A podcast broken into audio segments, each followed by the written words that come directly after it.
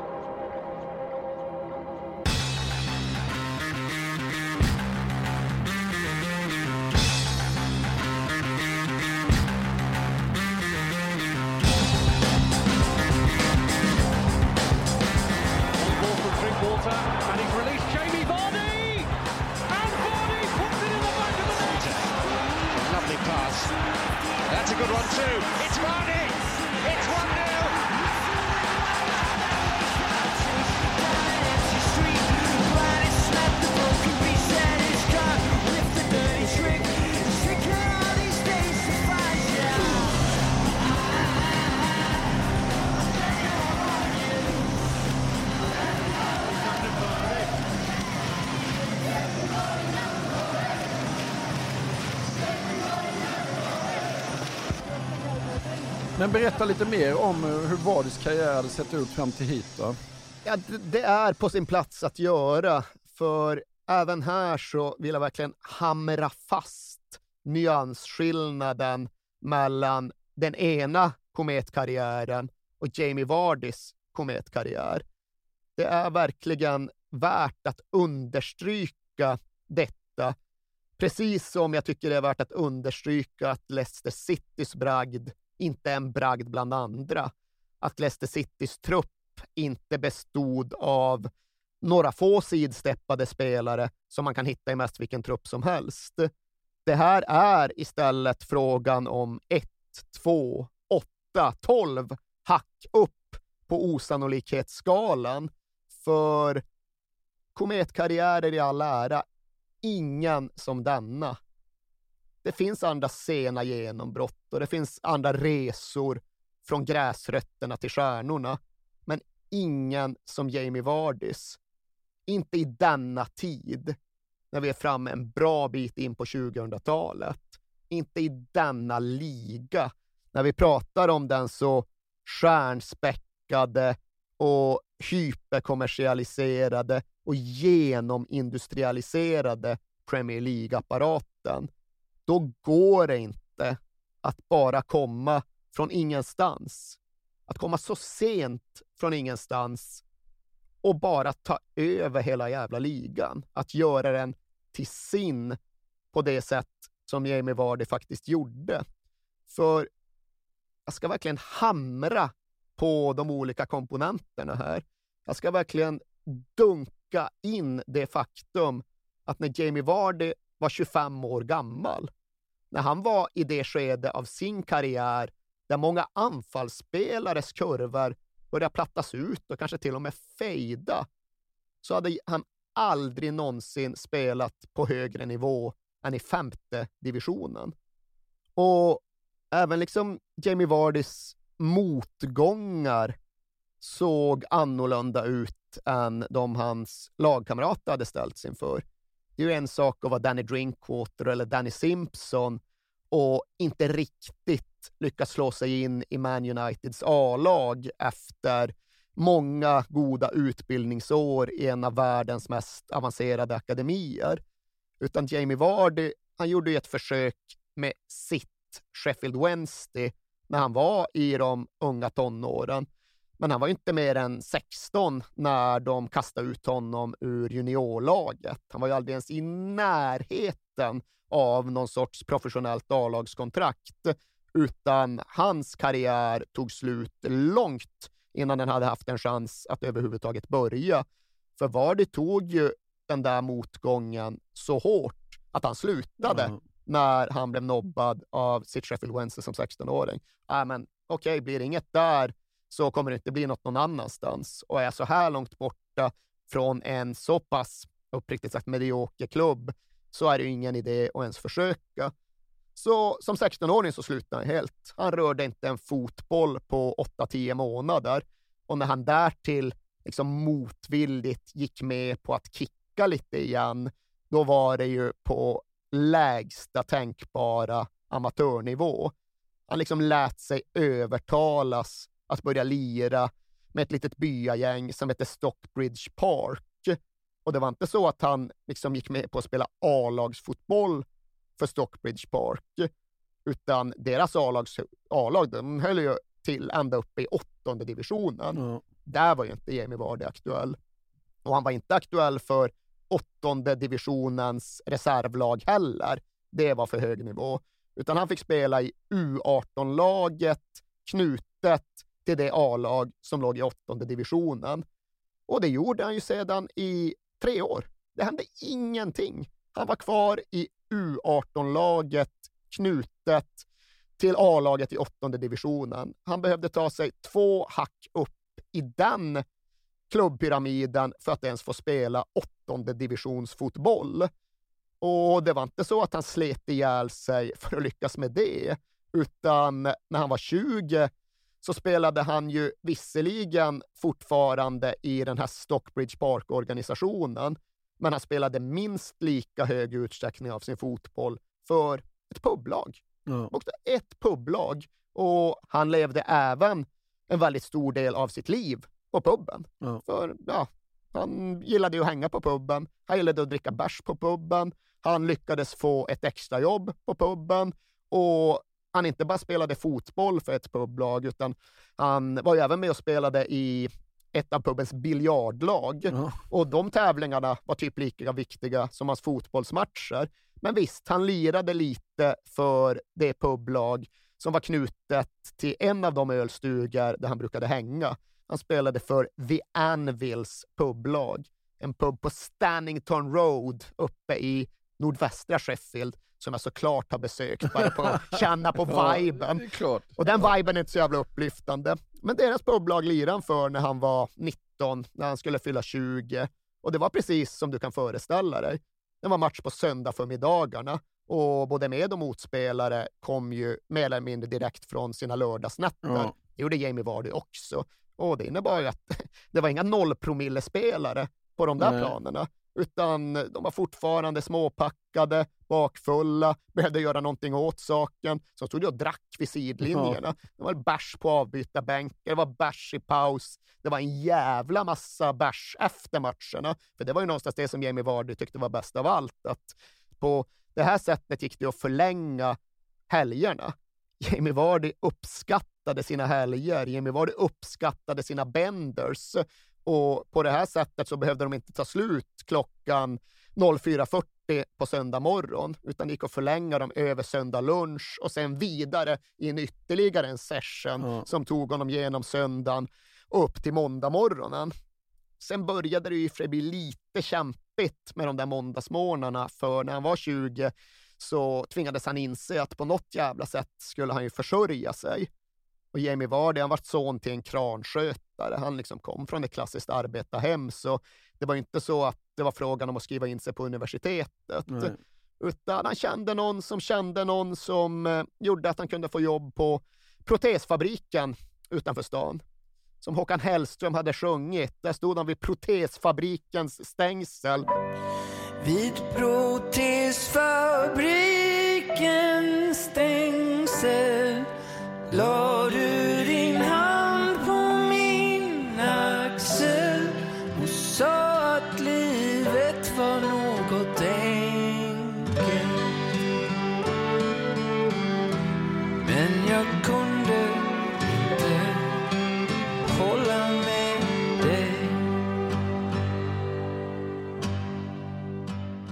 Och när han gick in innanför dem så bestod hans jobb av att liksom baxa tunga jävla kolfiberstycken in i någon sorts gigantiska masugnar.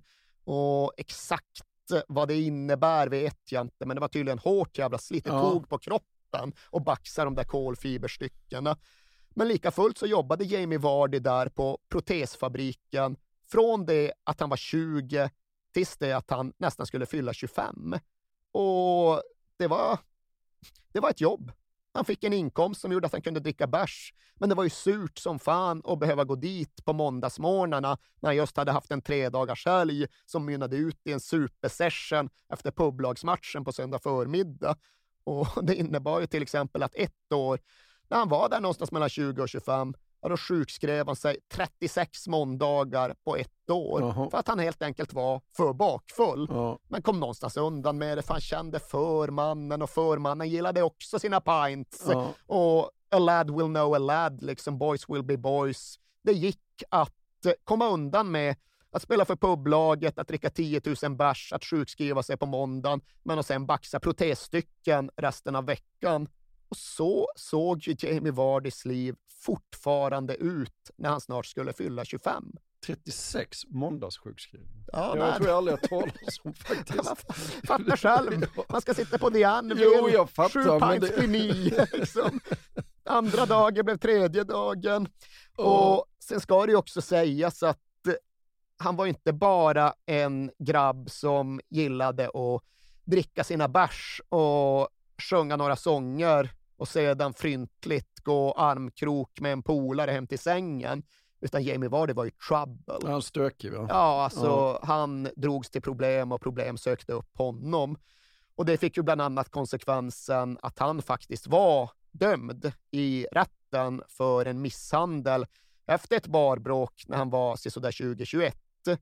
Och här är det sannerligen så att vi inte har alla sidor av historien. Vi har ju bara Jamie Vardys egen berättelse i den framstår han ju som ganska ridderlig. Ja, tycker jag med. Ärofylld. Ja, du, kan, du kan återberätta den. Nej, det, det enda jag vet är att han har väl någon kompis med hörselproblem eh, som blir retad för att han har hörapparat och då står han upp för honom och slår väl ner den här personen och döms för detta. Men det, det som du säger, det låter lite ridderligt. ändå. Ja, ifall, ifall det är den enda Ja, versionen ja. så är det väl inte så jävla moraliskt svårt att tugga i sig det.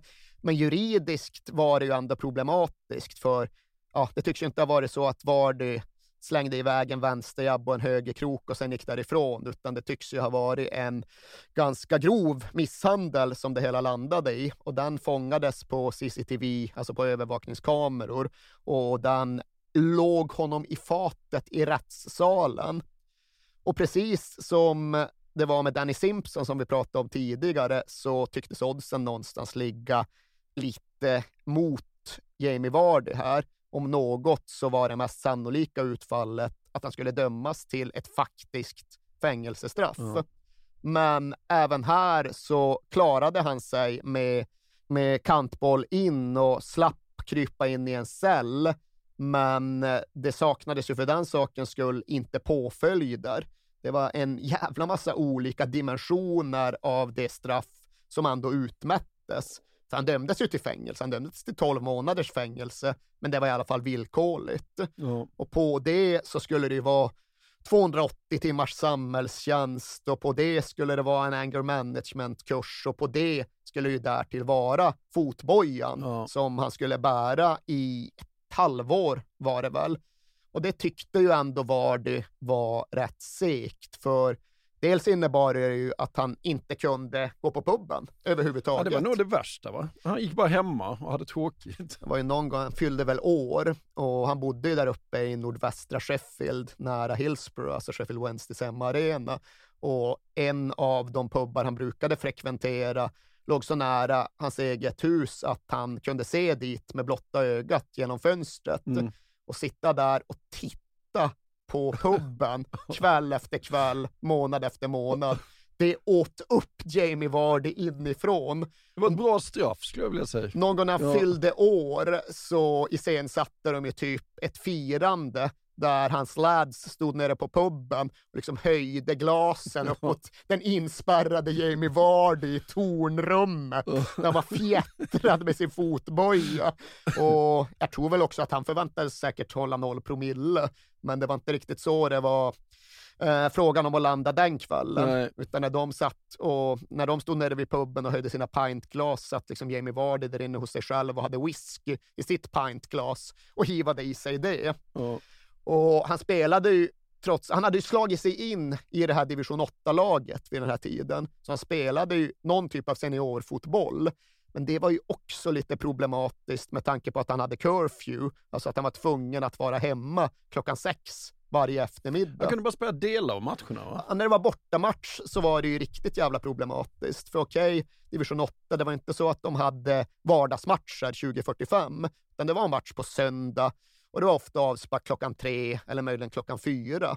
Och är man i Sheffield och det är avspark klockan tre, då är matchen slut fem, då är han hemma till sex. Ja. Men när det är bortamatch någonstans på andra sidan Peninerna och det är en timme hem, ja då går det inte att spela en hel match på de premisserna, utan under hela det här fotbojestraffet så var situationen den att Jamie Vardys föräldrar följde med i stort sett till alla bortamatcher och sen gjorde de en militant kalkyl kring körtider och dylikt och kom tillsammans med tränaren fram till exakt hur länge Vardy skulle kunna delta.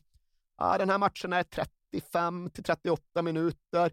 Den här matchen kan han delta fram till paus. Ja, den här matchen kan han fan göra en timme. Men varje gång så var det verkligen liksom minutprecision att okej, matchminut 56, Jamie Vardy ut och sen springer han ju lätt kortaste vägen till bilen, vilket innebar att ofta så bara saxade han över något stängsel Ja. eller någonting med matchdräkten på sig. Och det där väckte ju såklart viss förundring hos motståndars... Vad, vad fan är det där? Liksom, vad håller han på med?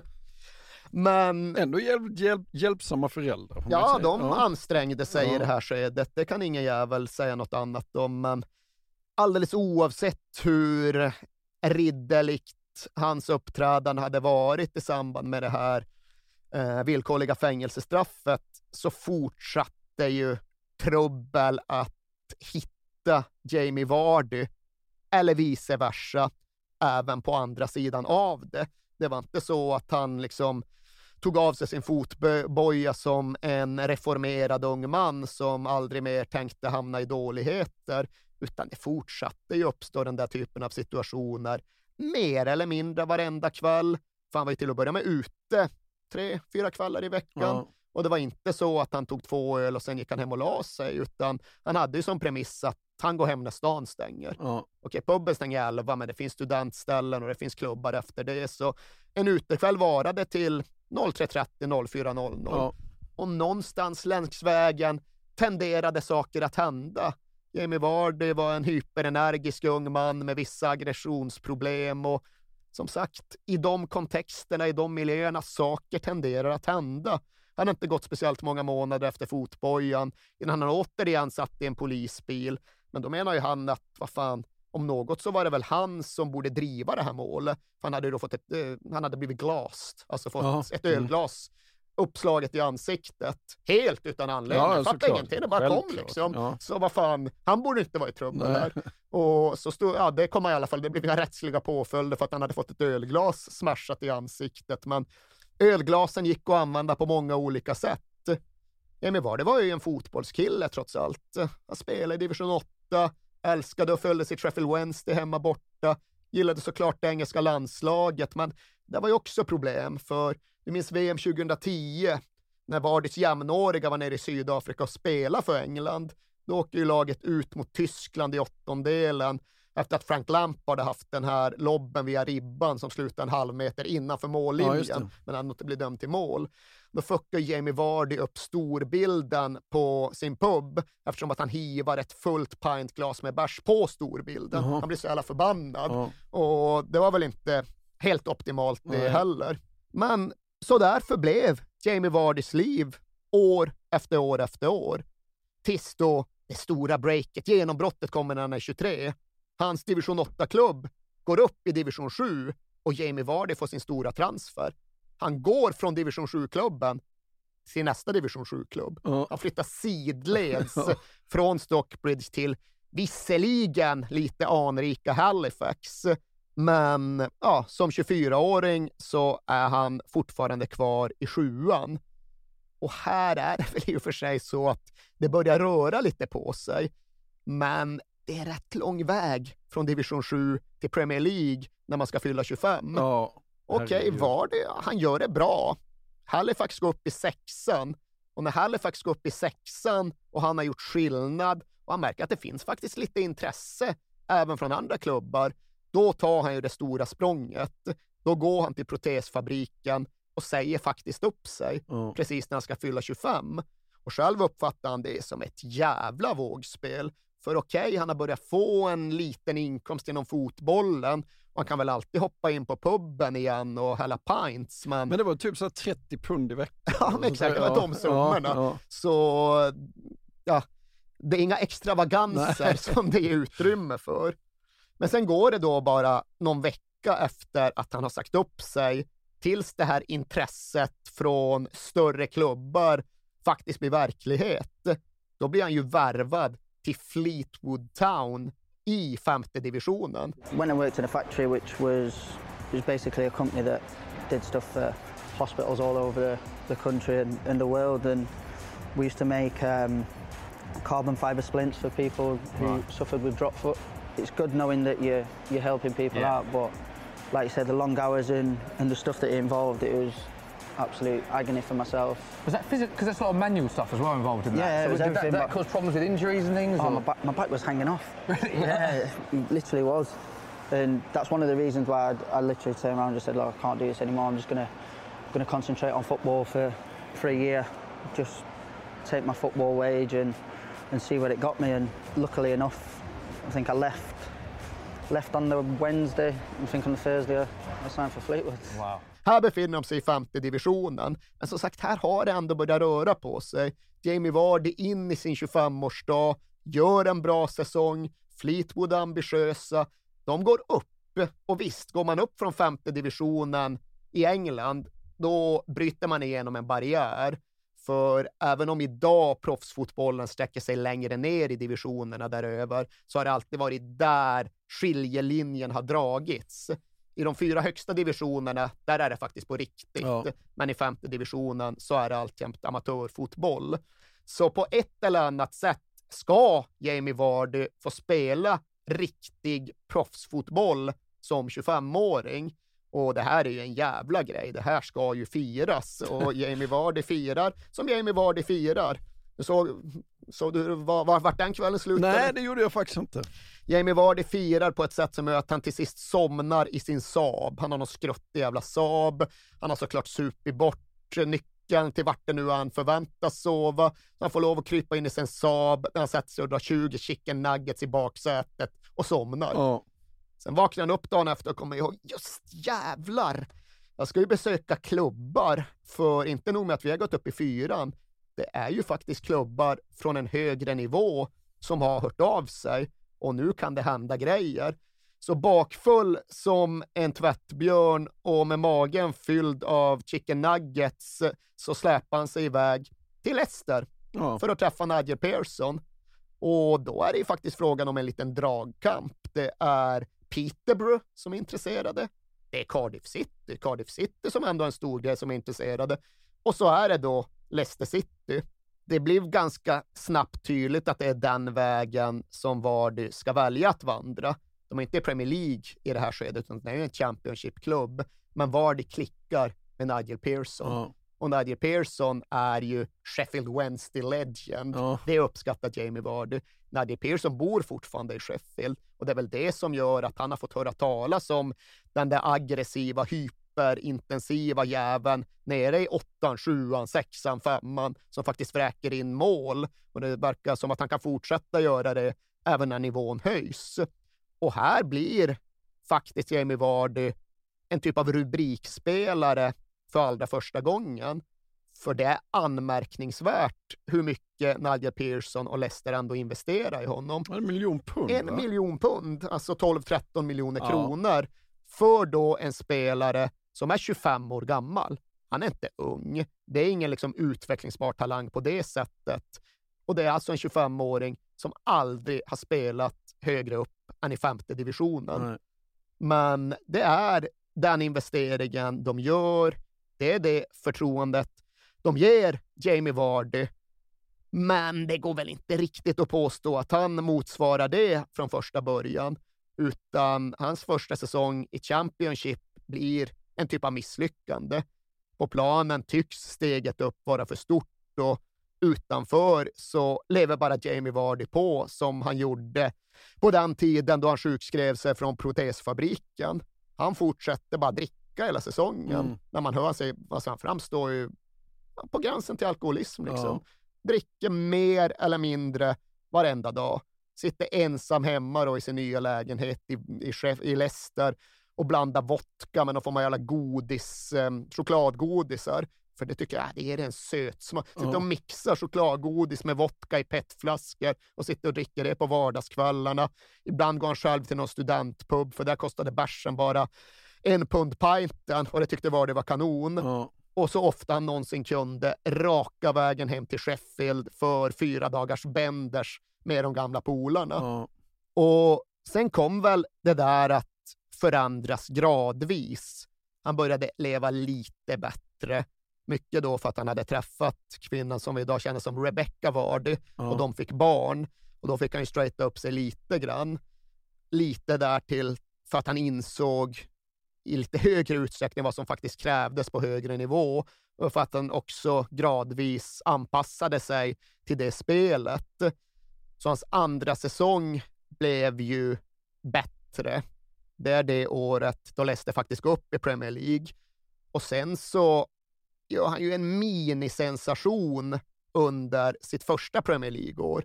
Han gör mål i den där 5-3 matchen mot Man United. Ja. Han gör några mål till och han bidrar till The Great Escape och han blir ju faktiskt uttagen i det engelska landslaget.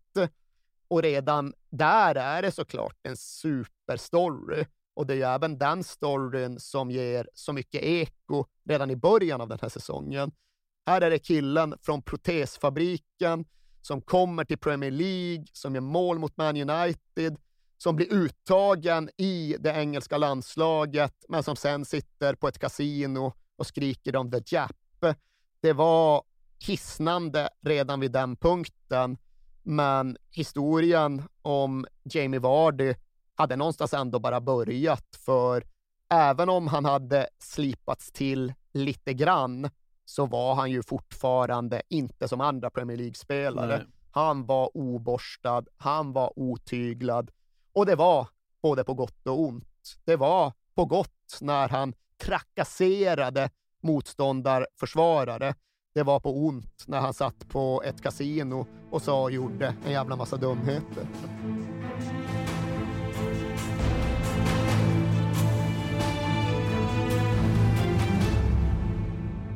Jag vill inleda med att säga att det är garanterad jackpot på 13 miljoner på Stryktipset. Och fy fasen. Ja, visst. Skulle du behöva 13 miljoner eller? Ja, det skulle jag verkligen. Men vi måste säga först att vi är ju sponsrade av Stryktipset. Ett spel från Svenska Spel, Sport och Casino för dig över 18 år. Yes, och stödlinjen.se finns där för dig om du har problem med ditt spelande. Nej, men 13 miljoner jackpot på Stryktipset, det är ju inte fel. Nej, då är det faktiskt dags att ladda en rejäl rad här känns det som. Mhm. Vet du vad som inte heller är fel? Nej. Födelsedagsfirandet och alla härliga Mm. historier vi får in. Exakt, Mm. för vi är ju mitt inne i Stryktipsets 90-årsfirande som vi firar med att läsa upp fantastiska historier från våra lyssnare Yes. som skickar in dem till kings at perfectdaymedia.se. Precis, bomba på nu. Det är åtta månader kvar på det här firandet, så att, eh, vi kör nu. Mycket Stryktipshistorier vill vi ha Mm. och i dagens har vi fått från Peter som skriver så här. Hej på er och tack för en helt otrolig podcast. Den har räddat mina veckor i snart fyra år. Tack så mycket Peter. Min historia är ganska färsk, men den om när det vände på stopptid gav kanske inte de största pengarna, men känslan i mig består. Jag spelar ofta för lite mindre pengar på Stryket, följer fotbollen men långt ifrån en nörd. Och allt såg väldigt bra ut senast, förutom på min etta på Manchester United mot Brentford. Var ändå väldigt, eh, var ändå väldigt nöjd med hur resten satt. Men på stopptid satte min nya favoritspelare, skotten McTominay, två mål och vändningen fullbordades. 64 rader blev 12 000 kronor. Tack för en bra Det är podd. otroligt. Ja. Tack för en bra historia Peter. Ja, och som man älskar Scott McTominay. Gör man inte det? Ja, det gör man faktiskt. Han liksom kommer in i straffområdet jävligt bra faktiskt. Mm. Vi säger stort tack till våra vänner på Stryktipset. Tack.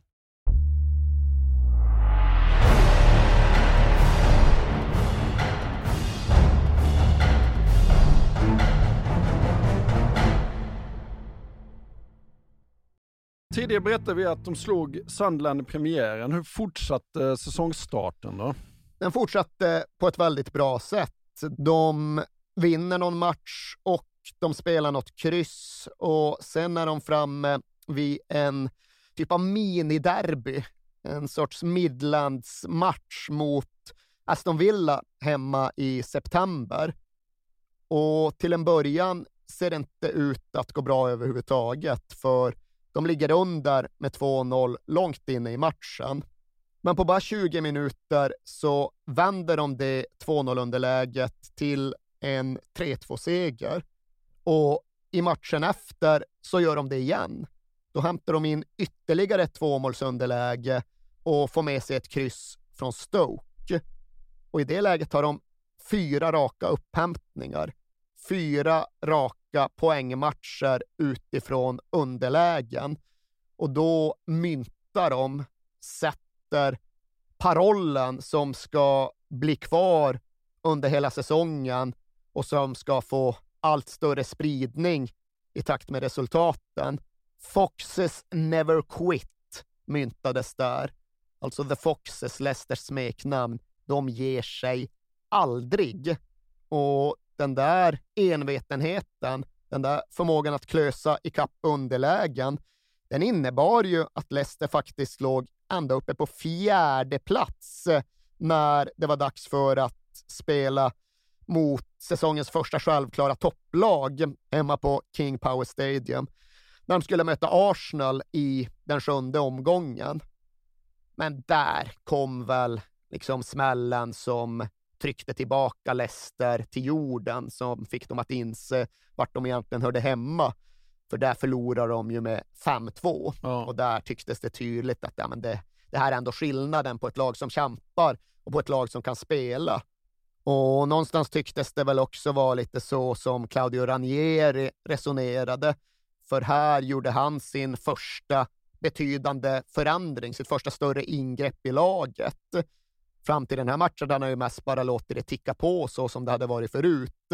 Men nu kände han att det blev för lättviktigt och för offensivt på ytterbackarna. Så ut med de lite yngre och lite frejdigare Delat och Jeffrey Schlupp. In med Danny Simpson och Christian Fuchs istället för stadga och för stabilitet.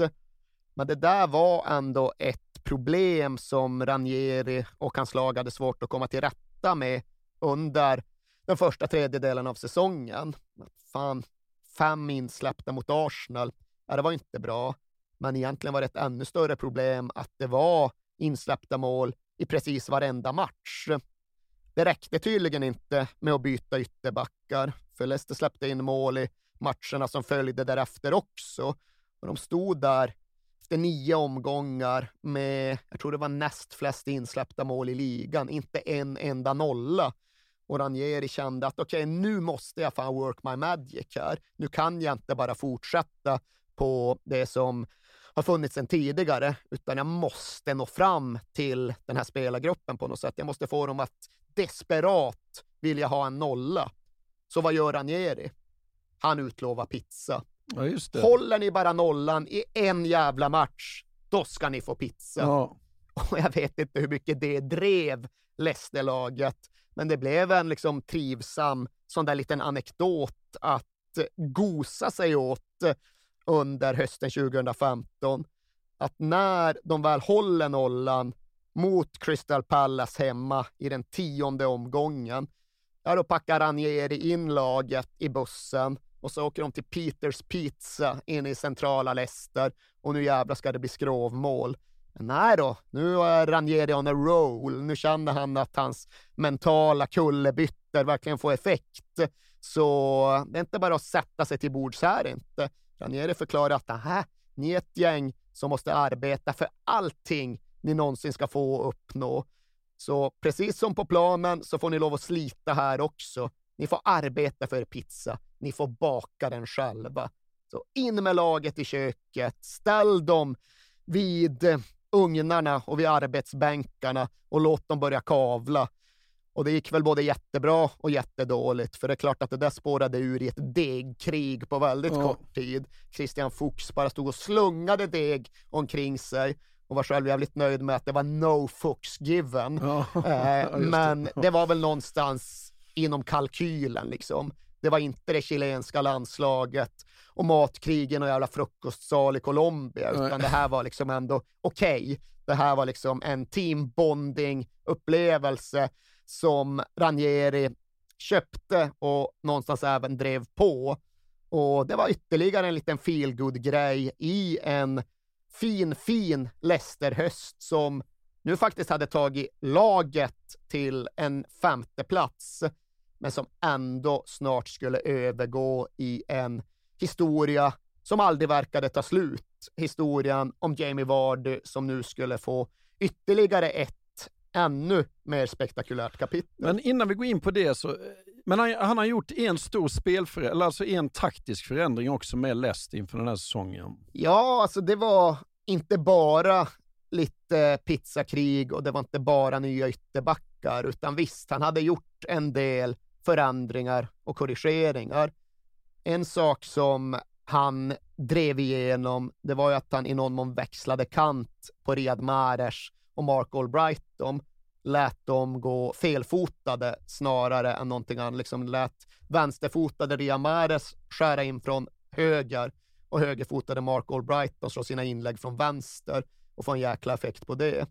Sen så genomförde han väl också, fullbordade han ett skifte från tre till två mittbackar.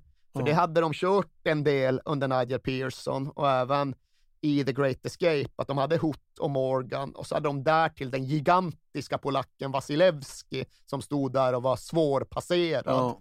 Och det släppte någonstans Ranieri också. Sen så tydliggjorde han väl själva spelsättet på ett ännu mer lättfattligt sätt.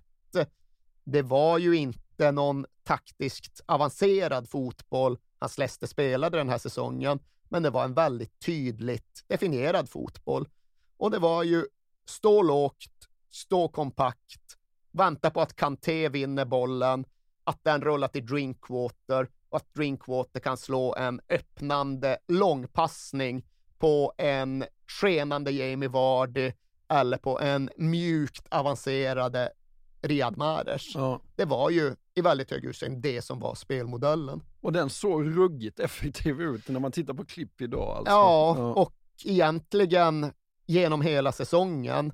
För det här med att laget stod lågt, att laget ändå ofta kunde vinna boll i bra situationer och att Danny Drinkwater spelade sin livs fotboll.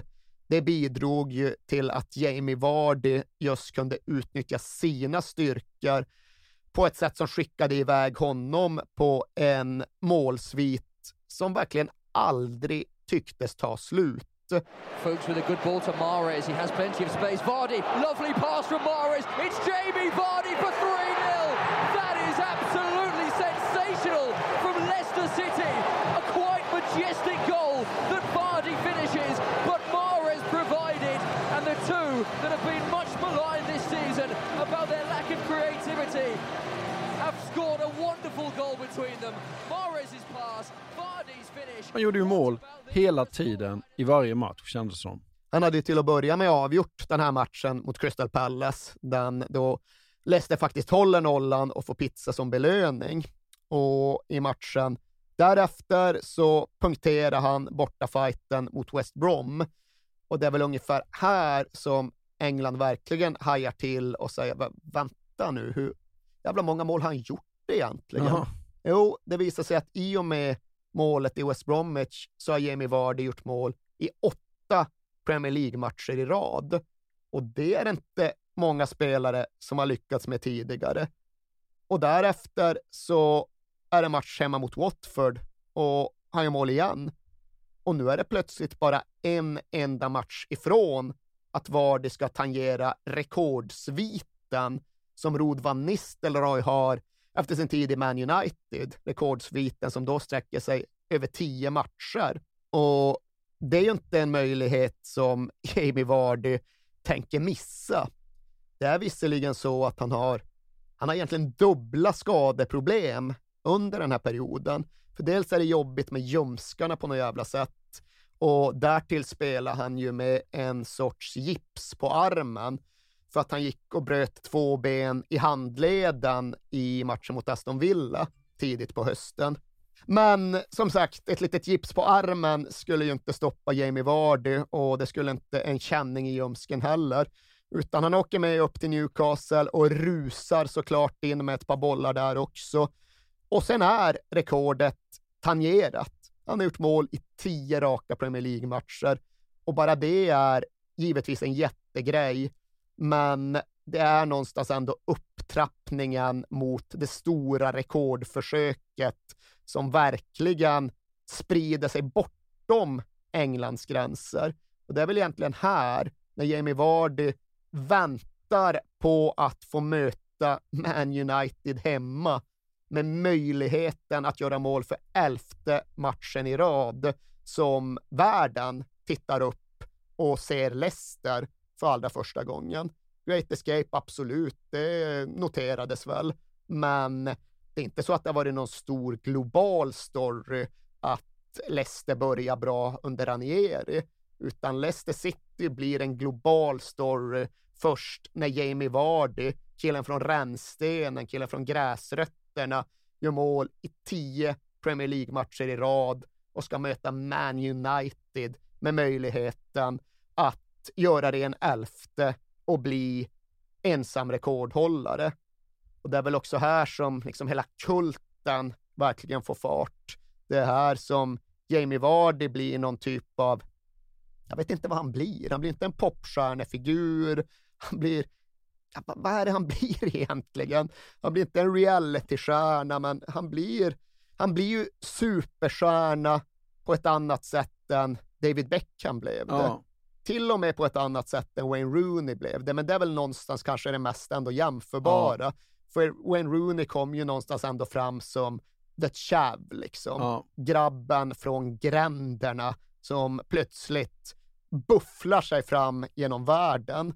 Det var ju så som storyn om Jamie Vardy någonstans liksom kapslades in i en t-shirt för folk gick igenom hans gamla sociala medier från den tiden då han var full hela tiden och liksom Ja. satt och uppdaterade sin Facebook packad från puben. Och de fastnade för det där någon gång när de hade lagt ut chat shit, get banged. Och det gör sig knappt för att översätta. Det blev någonstans slagordet som kapslade in Jamie Vardy. Snacka skit, få på käften. Det var kanske någonstans där som... som Story of my life. ja, det var någonstans story of his life, absolut. Och det blev det som trycktes på T-tröjorna. Och sen blev ju sången som rullade ner från läktarna, Jamie Vardys Having a Party. Och i den mån det fanns en andra vers så var ju den Bring your vodka and your Charlie. Alltså ta med dig din vodka och, ditt, och ett kokain. Jamie Vardys Having a Party, Bring your vodka and your Charlie. Den andra versen utelämnades väl ofta på läktarna, utan då var det bara Jamies, Jamie Vardys Having a Party gång på gång på gång.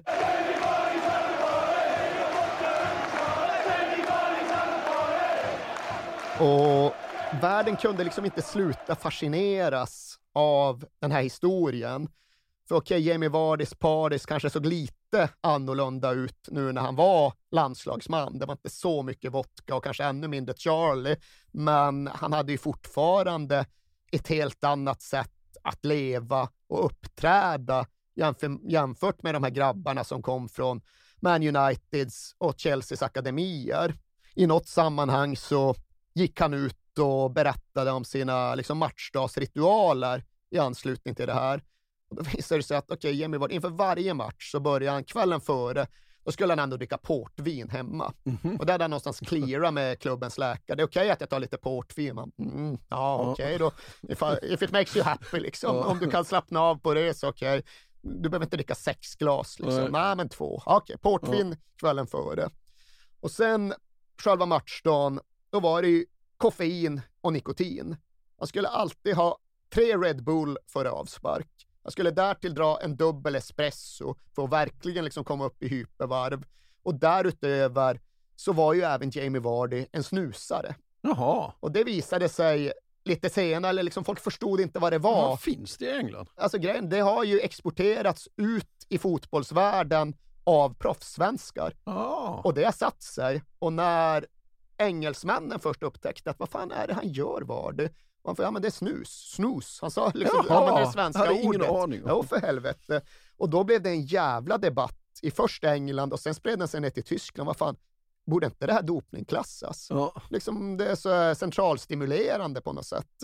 Och den diskussionen var verkligen ganska omfattande ett tag, framförallt i anslutning till EM 2016. Då var det där en stor sak, för Vardy gled runt i sin landslagsoverall med kommer inte ihåg, men det var en svensk dosa, så en importerad svensk, så typ Rapé eller Göteborgs Rapé eller vad fan han gick runt med. Men det var en svensk dosa under armen och en jävla diskussion kring huruvida det där inte skulle dopningklassas.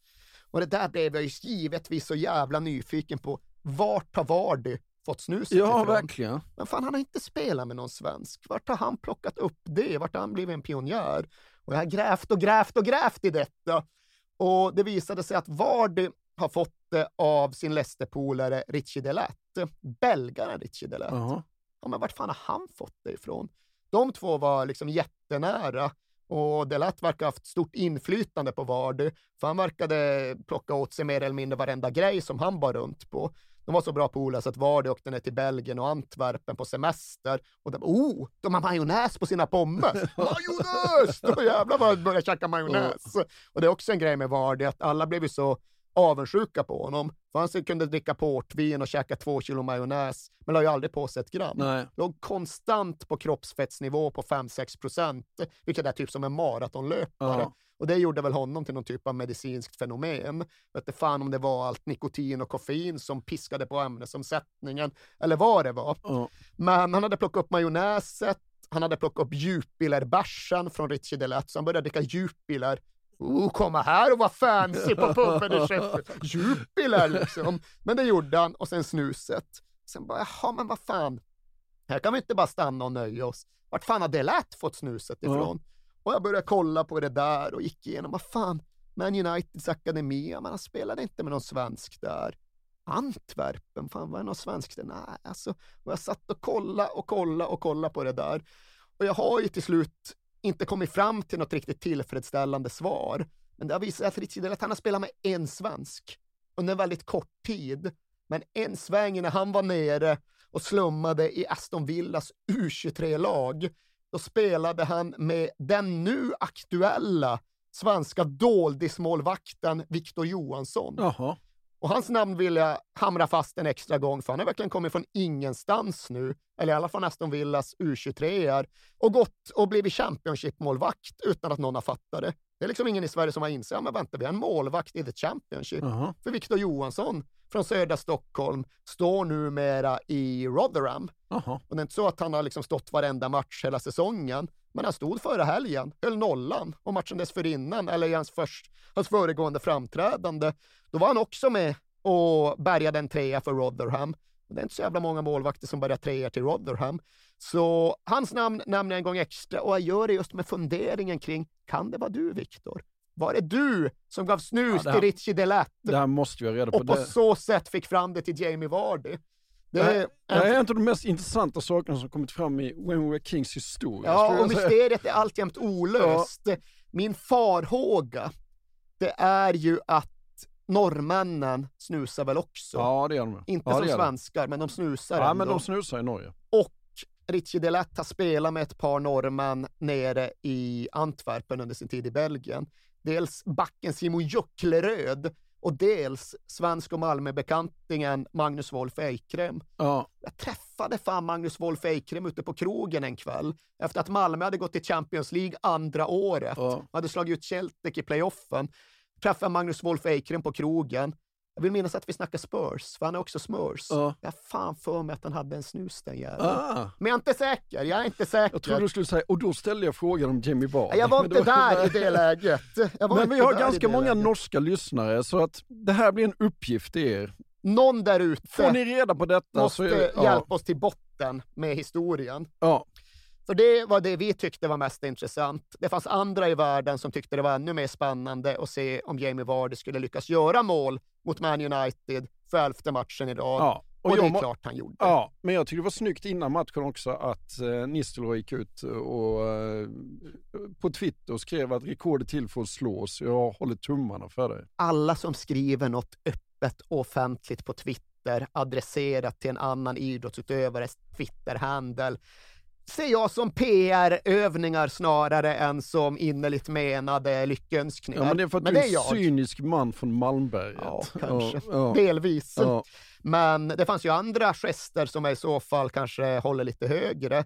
Till exempel så överraskades ju Vardy av hur hans fru, jag fan om han hade gift sig med Rebecca, nej det hade han inte, hans eh, fästmö som skulle bli Rebecca Vardy satte ner honom framför en laptop kvällen före matchen eh, i hemmet och stack in en USB-sticka och sa kolla på detta.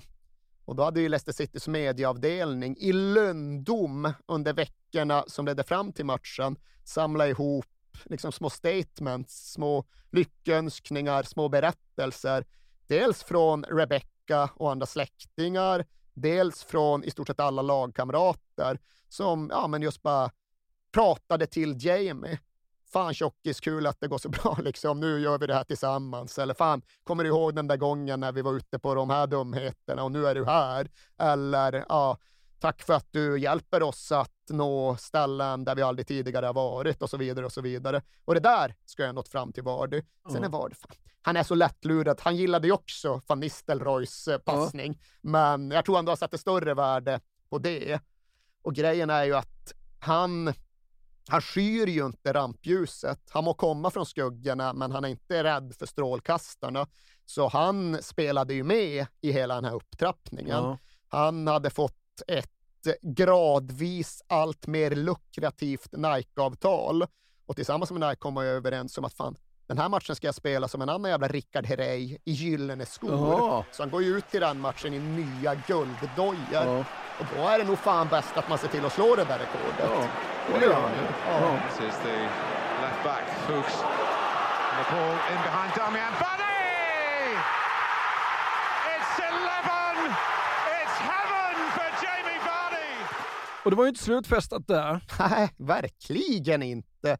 För är det fest så är det fest och då är det lika bra att fortsätta festen.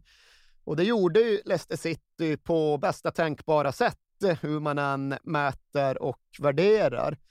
För de rusar vidare från Man United-matchen till en fin seger över Swansea. Och direkt efter den bortamatchen, då är det jävlar i mig dags för julfest. Och här hade ju Ranieri givit den ansvarstagande Kasper Schmeichel någon form av fritt mandat att organisera det hela. Mhm. Och när Kasper fick fria händer, då är det ju inte en kväll av stillsamt firande på någon restaurang i Leicester, utan då är det en hel jävla helg hemma i Köpenhamn som är grejen. och Kasper ska ju vara den liksom verkligt professionella och noggranna i den här truppen, så jag Ja. tror att han är ivrigt påhejade av andra. Men de drar raka vägen från Swansea till Köpenhamn och eh, nattklubben Zen. Det är klart det är dit de ska dra det allra första som händer.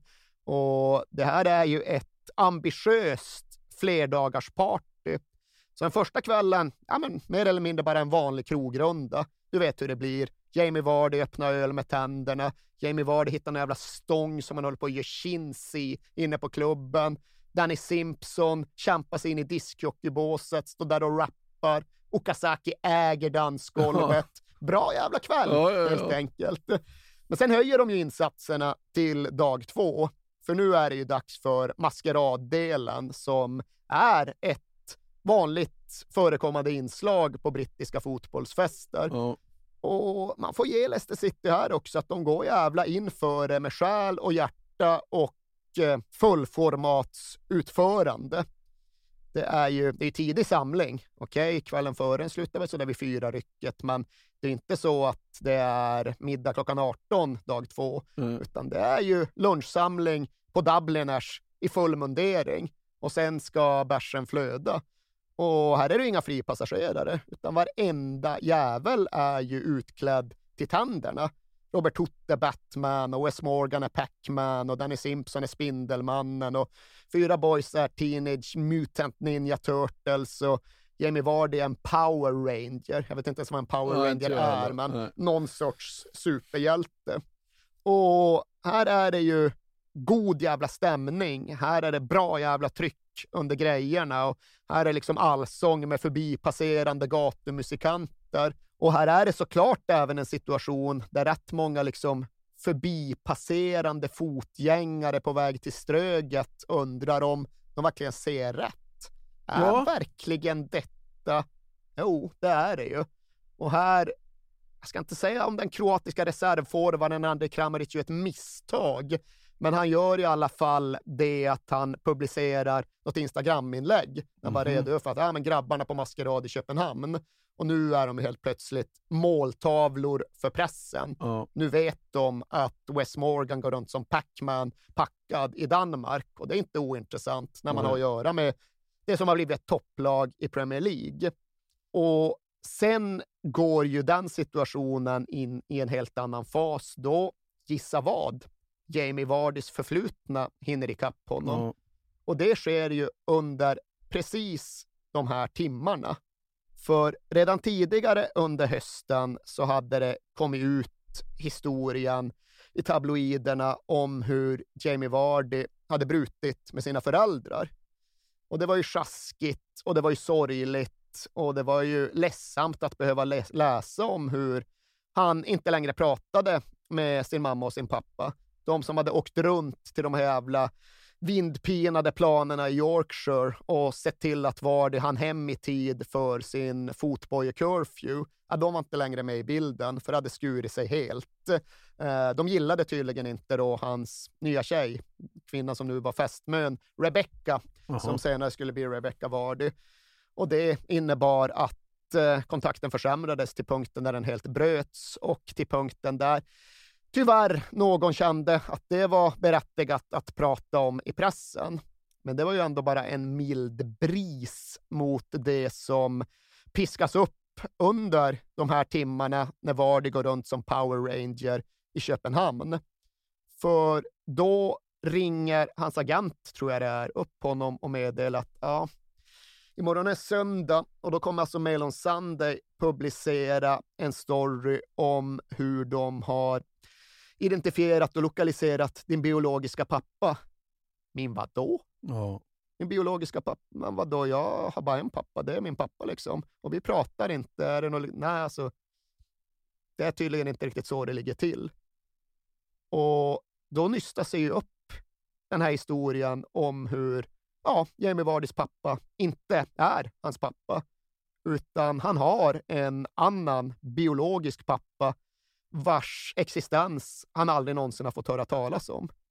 Det var en kortare affär som Jamie Vardys mamma hade med den andra snubben, men han försvann ur familjens liv egentligen i samband med att barnet föddes och sen träffade hon en ny och sen kom de av en eller annan anledning fram till att det bästa var att aldrig låtsas om att det här hade hänt. Rätt otroligt. Ändå. Rätt otroligt ja. och rätt osmakligt och rätt svårt att ta in i ett liv överhuvudtaget och i den här typen av mediestorm än mindre. För Vardy har i och för sig sagt det att ja, jag hade haft en typ av misstankar även tidigare.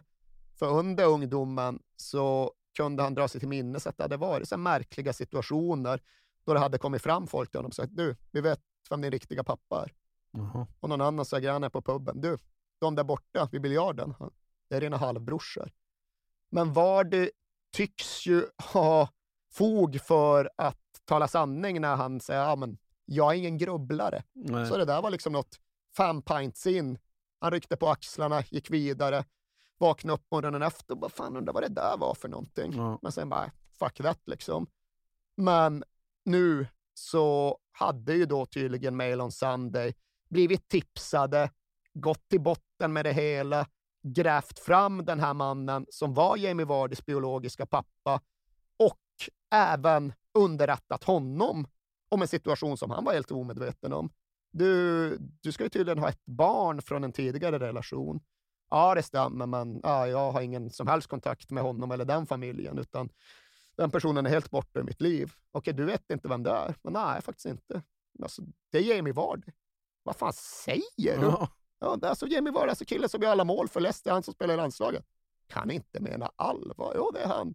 Och då hade de då hållit den storyn, hållit på den storyn, släppa med Jamie Vardys biologiska pappa på någon Leicester-match och tagit bilder på hur han stod där och hejade på sonen som han inte visste att han hade. Så det är en helt jävla otrolig story. Och en jävligt osmaklig story som Jamie Vardy bara får i nacken från ingenstans när han dricker Jupiler i Power Ranger-dräkt. Ja, herregud.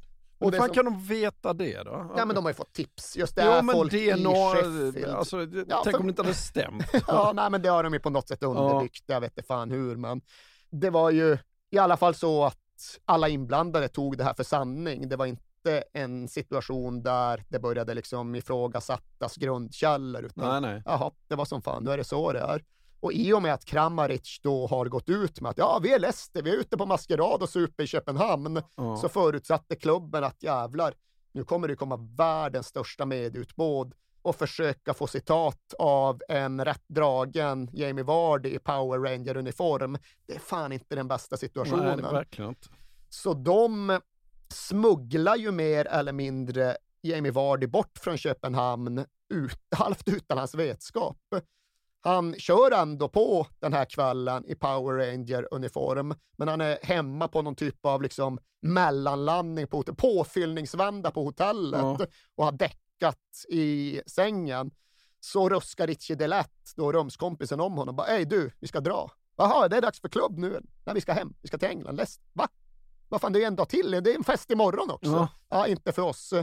Det är liksom, du kommer ihåg det där som sades innan du drack din nionde pint, det där om din biologiska, ja just jävlar. Ja, nej, det lär vara en miljard journalister på väg hit, så Leicester har hyrt ett privatplan åt oss. Det är bara rätt ner till receptionen, Power Ranger-dräkten på, in i minibussen, ut till Kastrup, bakvägen in, upp på privatplanet, hem till Leicester. Ja. Så de smugglar ut Jamie Vardy på det sättet och sen så tas ju han ur den mediala skottlinjen.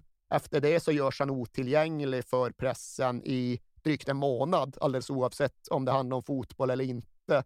Och det var ju på ett sätt just en mediekarusell som bara hade snurrat snabbare och snabbare och snabbare och snabbare under hela den här hösten och till slut då kraschade in i en situation där alla saknade kontroll totalt.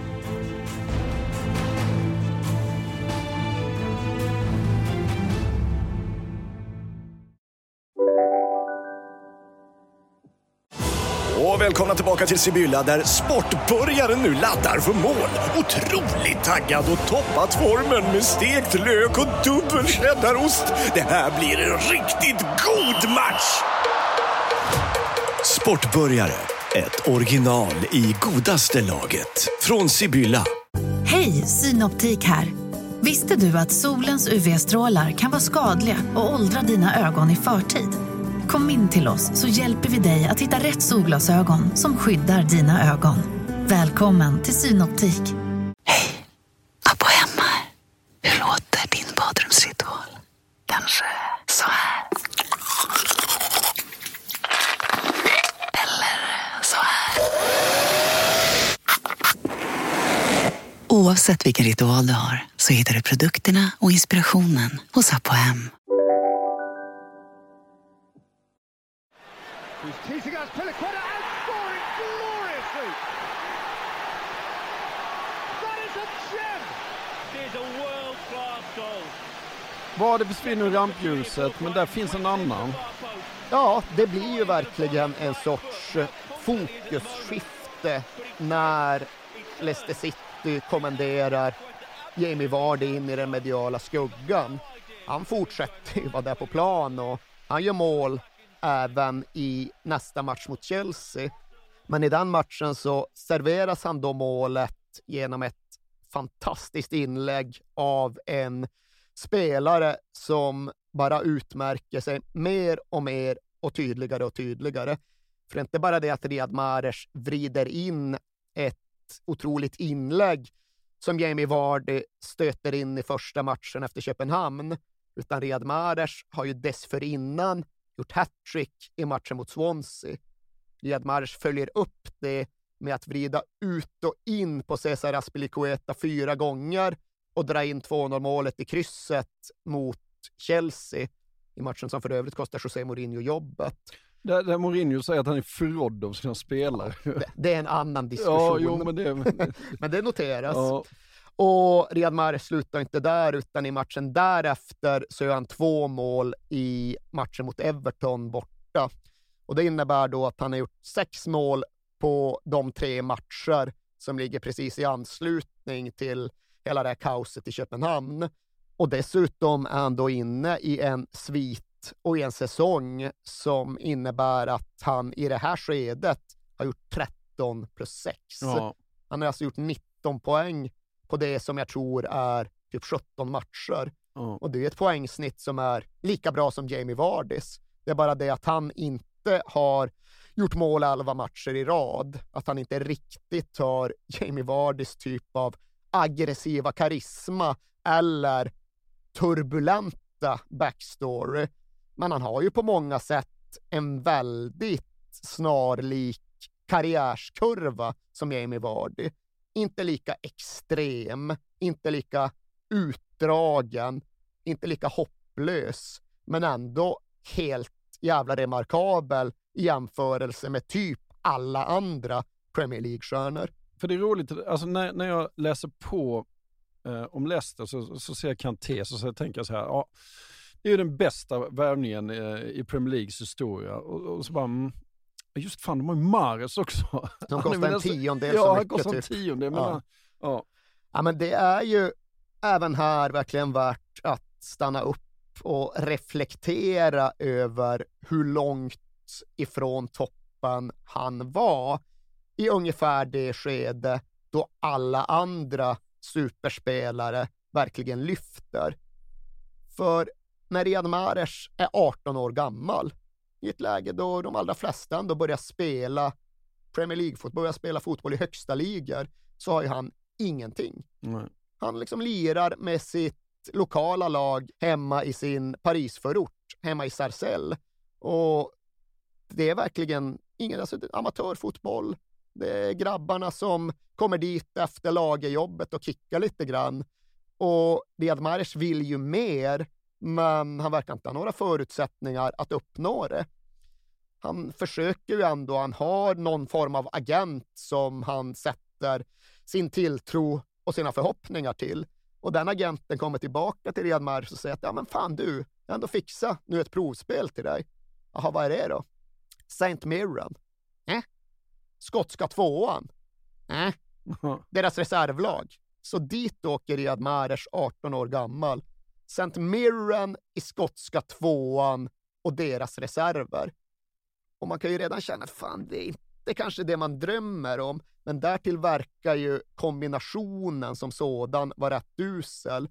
För Riyad Mahrez stora problem är någonstans hans fysik, hans litenhet, som så många ser på med så stor misstänksamhet. Liksom den franska fotbollen vågar inte riktigt ta i honom, för han väger typ 55 kilo i Ja. det här läget. Jättetunn. Han är kort, men han är framförallt jättetunn. Och är det då liksom det skotska division 2-lagets reserver han ska hävda sig i under ett par kalla jävla februariveckor då det här provspelet utspelar sig. Fan vet agenten, är det verkligen rätt sak att försöka med? Nej. Ja, det är den enda saken de har att försöka med, för något annat finns inte på bordet. Så dit åker ju Riyad Mahrez, 18 år gammal, St. Mirrens reserver. Och det går väl ungefär som man kan förvänta Han sig. hatar det. Han hatar ju det. Ja. Och de andra är ju inte så jävla imponerade. Nej. Och visst, han är bra med bollen. Visst, han kan göra lite grejer. Men vad fan, när vi har Inverness borta, vad ska vi ha för nytta av den här killen Ja. liksom? Så det blir ju ingenting. Och eh, Mares vill ju bara därifrån. Och till sist så får han ju kontakt med den här jävla agenten som har skickat dit honom och frågar, ja men fan du måste fixa hem mig, jag, jag kan inte vara här längre. Och agenten lovar återkomma och till sist okej, nu, har jag, nu har jag en flyktplan. Ja. Jag orkar inte ta det här med St. Mirren, det är för jobbigt att ta det med klubben, så du ska bara försvinna. Okej?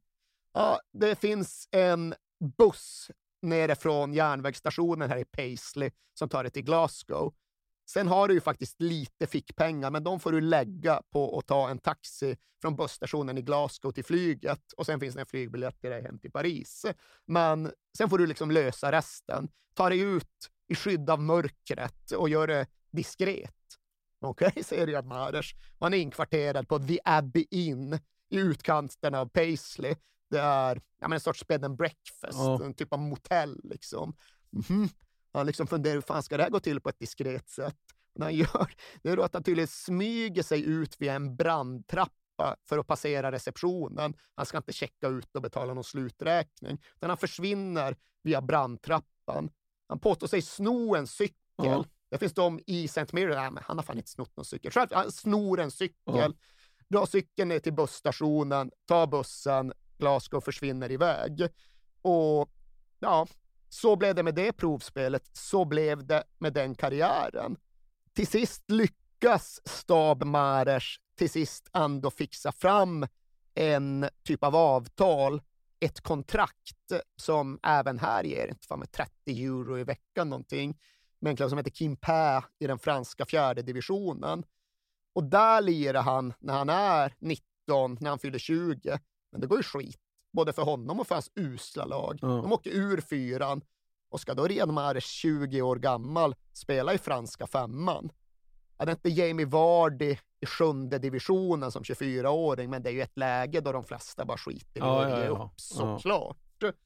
Men någonting har han väl ändå visat under den där säsongen i franska fyran, så han får inte ett proffskontrakt, men han får någon typ av andra chans i Le Havres reserver. Mm. Le Havre då i franska andra divisionen, så A-laget är det inte tal om, men reserverna, okej. Och därifrån så börjar det ändå ta lite skruv. Han är bra i reserverna, han får börja köra med A-laget, han får börja spela med A-laget, han är bra i A-laget, han börjar göra lite eko av sig. Och till sist så kommer ju faktiskt Leicesters chefscout Steve Walsh till Le Havre för att titta. Men inte på honom. Nej. En alltjämt ganska anonym ytter som försvinner in och ut ur matcherna. Utan är på en kapverdier som heter Ryan Mendes. Mm. Men när han är där så ser han någonting, Steve Walsh. För Mahrez är inte en spelare som fastnar i deras scoutingprogram. Det är inte så att de får en massa siffror på hur jävla bra Mahrez utmanar, utan där är det just det blotta ögat från Steve Walsh som inser att fan den där jävla Ryan Mendes vet jag inte riktigt, men den där killen har någonting. Ja. Bara kolla på liksom, skulle det vara en stor investering? Skulle det vara en dyr chansning? 400 000 euro, 5 miljoner spänn. Ja. För Leicester City är ju som sagt, det är ju inga pengar Nej. ens när de ligger i Championship. Vad fan kostar det att förlora eller att försöka? Halva priset från Vardy. Ja, exakt, som de tar från femte divisionen Ja. i England. Så absolut, vi testar. Vi tar honom till England. Vi låter det ta fart därifrån.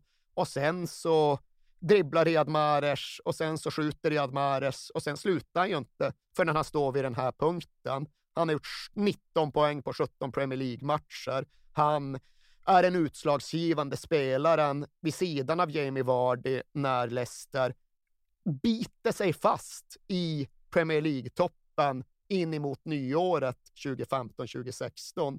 Som Claudio Ranieri uttryckte saken, Riyad är vår lampknapp. När vi slår om den knappen, när vi liksom knäpper på Riyad Mahrez, då skiftar Leicester City färg. Mm. Och Ranieri var ju rätt bra på den typen av målande bildspråk. Man rörde ju sig ungefär de domänerna. Det var ju samma när han skulle liksom beskriva Jamie Vardy. Elektrisk. Han är elektrisk. Ifall han bara tar sin hand och tar tag i en glödlampa, då börjar den lysa. Ja, det är bra beskrivet. Ja, det är det faktiskt. Ja, det är det jag gillar både Ja, jag också. och Vardy. Men eh, även om deras bidrag på planen på något sätt var jämförbara så fanns det ju en väldigt tydlig kontrast, inte bara mellan Jamie Vardy och Riyad Mahrez, utan egentligen mellan båda de här killarna som de hade hämtat från Frankrike och resten av Leicester-gänget. Och det var ingen konflikt, det var inget problem, men det var väldigt tydligt att Riyad Mahrez och N'Golo Kanté förde sig på ett annat sätt och levde en annan typ av liv än alla de andra. Två spelare följde inte med till Köpenhamn och klädde ut sig till Turtles.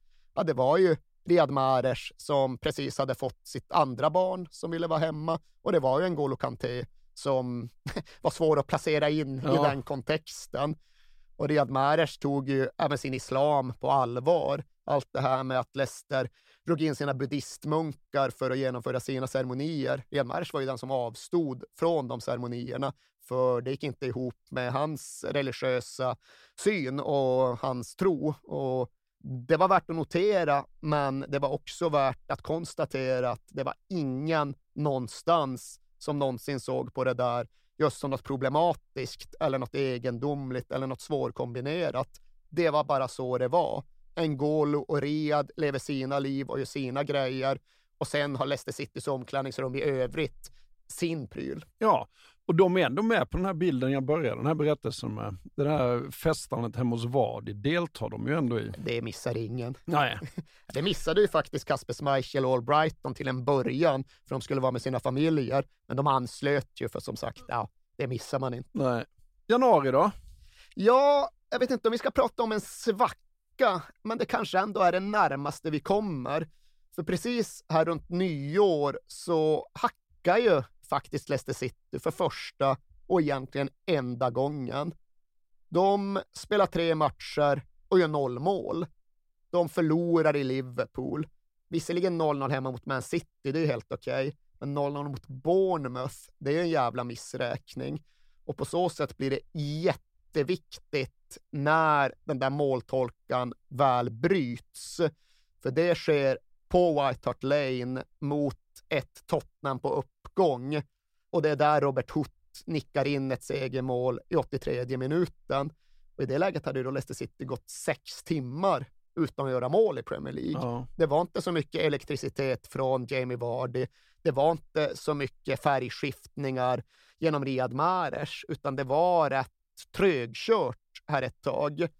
Och den där matchen mot Tottenham borta, den uppfattades ju som viktig redan då. Men i eft- efterhand så är det ju många som ser tillbaks på den som väldigt, väldigt utslagsgivande.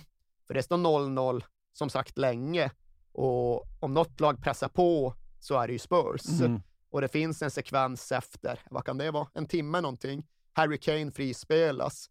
Kasper Schmeichel kommer ut och gör den väldigt karaktäristiska familjemanövern. Han kastar sig ut och liksom sprider ut kroppen i Xet Ja, för att göra sig så stor som möjligt. ja. Ja, som Peter brukade göra. Ja. Och får tillräckligt mycket kropp på bollen för att den ska få en annan bana. Men den studsar ju förbi honom. Den studsar mot målet och den studsar upp i ribban. Ja. Och gör Kane det målet och Spurs vinner den matchen och Leicester går mållöst en fjärde match i rad, ja då vet det fan. Nej. Då hade det kunnat bli en annan säsong, säsongsutveckling. Men nu får ändå Leicester tillbaka farten och energin för att möta det nya året. But Tottenham Hotspur went straight down the other end and very nearly opened the scoring themselves. A wonderful pass from Eric Lamella found Harry Kane, and his shot was deflected onto the crossbar by Kasper Schmeichel. Kane, who's already scored 11 Premier League goals this season. But Leicester City did eventually find the back of the net. Their incredible season continues. A corner from Fuchs found Robert Huth in plenty of space inside the area, and a wonderful header, inch perfect, found the top left hand corner of the net. Huth with his first Premier League goal of the season, and Leicester City are now seven points ahead of Tottenham Hotspur in the league, joint with Arsenal. A huge result for Leicester City. It's finished at White Hart Lane. Tottenham nil, Leicester one. Händer något annat roligt i januari? Ja, men det gör det eftersom att vi här får en anledning att eh, skohorna in de svenskkopplingar som vi såklart gärna ägnar oss åt i den här programserien. För det är ett januarifönster till att börja med. Leicester City gör inga stora förändringar, men de tar in några utvecklingsspelare. De tar bland annat in Demarai Gray från Birmingham City. Men det är inte där svenskkopplingen finns, utan den finns istället i relation till Djurgården? Ja, och... Djurgården-Köpenhamn? Ja, det är ju egentligen en, en fotbollssvensk jag är ute efter här. Du är helt rätt på det, att jag syftar ju på övergången när Daniel Amartey kommer till Leicester City från FCK. Men ja. eh, vem är svensken som möjliggör den övergången?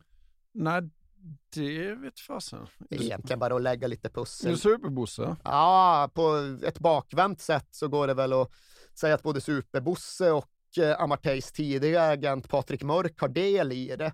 Men det är ju såklart Hassan som verkligen Aha. ror igen den. Det är ju han som är Amarteys agent och på så sätt eh, ja, gör sitt för att förändra Leicester Citys titelvinnande trupp. Det är inte så att Amartey blir en tung pjäs i det här bygget. Han gör väl är det en start och fyra inhopp ja. på resten av säsongen. Men det är lika fullt ändå en händelse som vi givetvis väljer att notera. Men det är inte här den stora svenskkopplingen till Leicesters titellag finns, utan den finns ju istället på en annan plats i klubbhierarkin, i klubbpyramiden. Jaha, är det Paul Paulsson du menar? Såklart, ja. såklart. För det är ju faktiskt en stor grej. Ja. Ett stort bidrag och en ja, lite undanskymd fotbollsprofil som vi här kan ge hans rättmätiga sju minuter. Ja. För vi har ju rätt att se Paul Ball som, som svensk, det tycker jag. Mm. Vi kan absolut räkna in honom bland de våra. Absolut. Så han har bott och verkat i Sverige i fan mer än 30 år. Okej, okay, han är ju engelsman från början, kommer från Devon nere i sydväst, men lyckades aldrig som spelare i Torquay United. Istället så började han ju utbilda sig inom sports science, vilket jävla svävande och luddigt begrepp ja. det är. Men sports science pluggade han till att börja med i Cardiff och sen så kompletterade han sin utbildning i USA och där utifrån så fick han napp på ett gig på Karolinska i Stockholm som tydligen var väldigt intresserade av precis den typen av sports science som Paul Bolsom kom farandes med. Och han kom till Sverige och han kom som man av fotbollen snabbt in i förbundsapparaturen. Han blev rekommenderad för något gig i damlandslaget och där visade det sig att en av läkarna i den medicinska staben skulle komma att bli hans fru. Och Eh, de slog sig till ro och de fick barn och de rotade sig i Stockholm. Och det ledde till att Paul som blev kvar här i alla år. Och det bidrog väl på sitt sätt till att han blev kvar inom förbundsapparaten. Men han kom ju också att leva ett fotbollsliv som gjorde att han nästan till pendlade mellan Sverige och England. Han hade liksom den ena foten i den svenska landslagsorganisationen, mm. där han fick en allt större roll och började liksom resa med till mästerskapen och så. Och sen hade han den andra foten i den engelska ligaapparaten, där han väl från en början var en typ av konsult, men där han fick allt större och allt viktigare uppdrag i allt mer inflytelserika klubbar. Paul Bolson var ju inne och körde i Bolton med Sam Allardyce ja. och liksom bidrog till hela den vetenskapliga revolutionen. Och sen var han i Southampton som också hade andra ambitioner. De tog ju in folk från en massa olika sporter för att på så sätt få bättre spetskompetens. Och där kom Paul Ball som in i det pusslet. Och det var, om jag förstått saken rätt, där som han träffade Nigel Pearson. Det var ju på så sätt han sen kom till Leicester, där han tidigt fick ett väldigt stort inflytande och ett väldigt starkt mandat.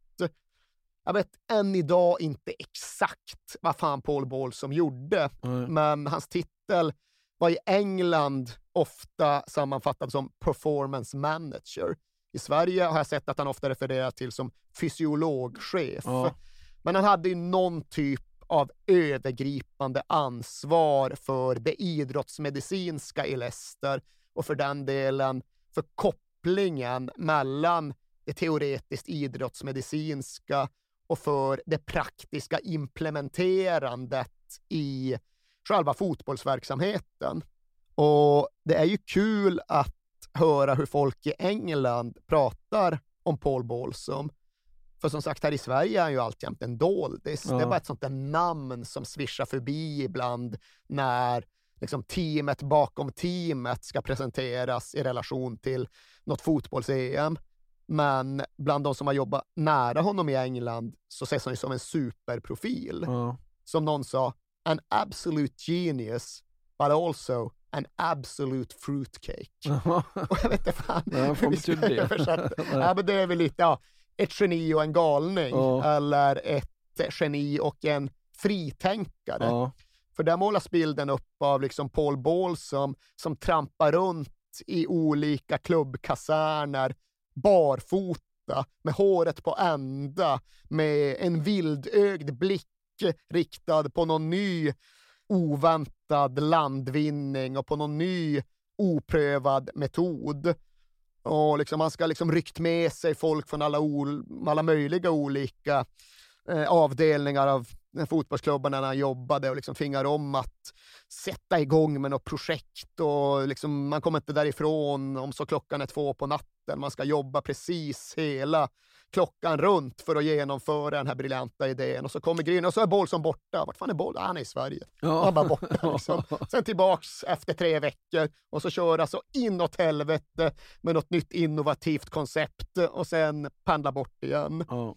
Men eh, han var där och han hade absolut betydelse och han knöt just ihop vår svenska fotboll med denna Leicester-saga på ett sätt som tilltalar oss.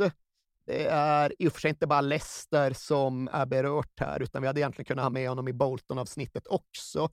För det är någon som återberättar till exempel en gång då Paul Ball som hade släppa med sig Lasse Lagerbäck och Tommy Söderberg till Bolton för att snacka med och hänga med Sam Allardyce. Jaha. Och det beskrivs som att ah, de gick ut och åt middag där i Bolton.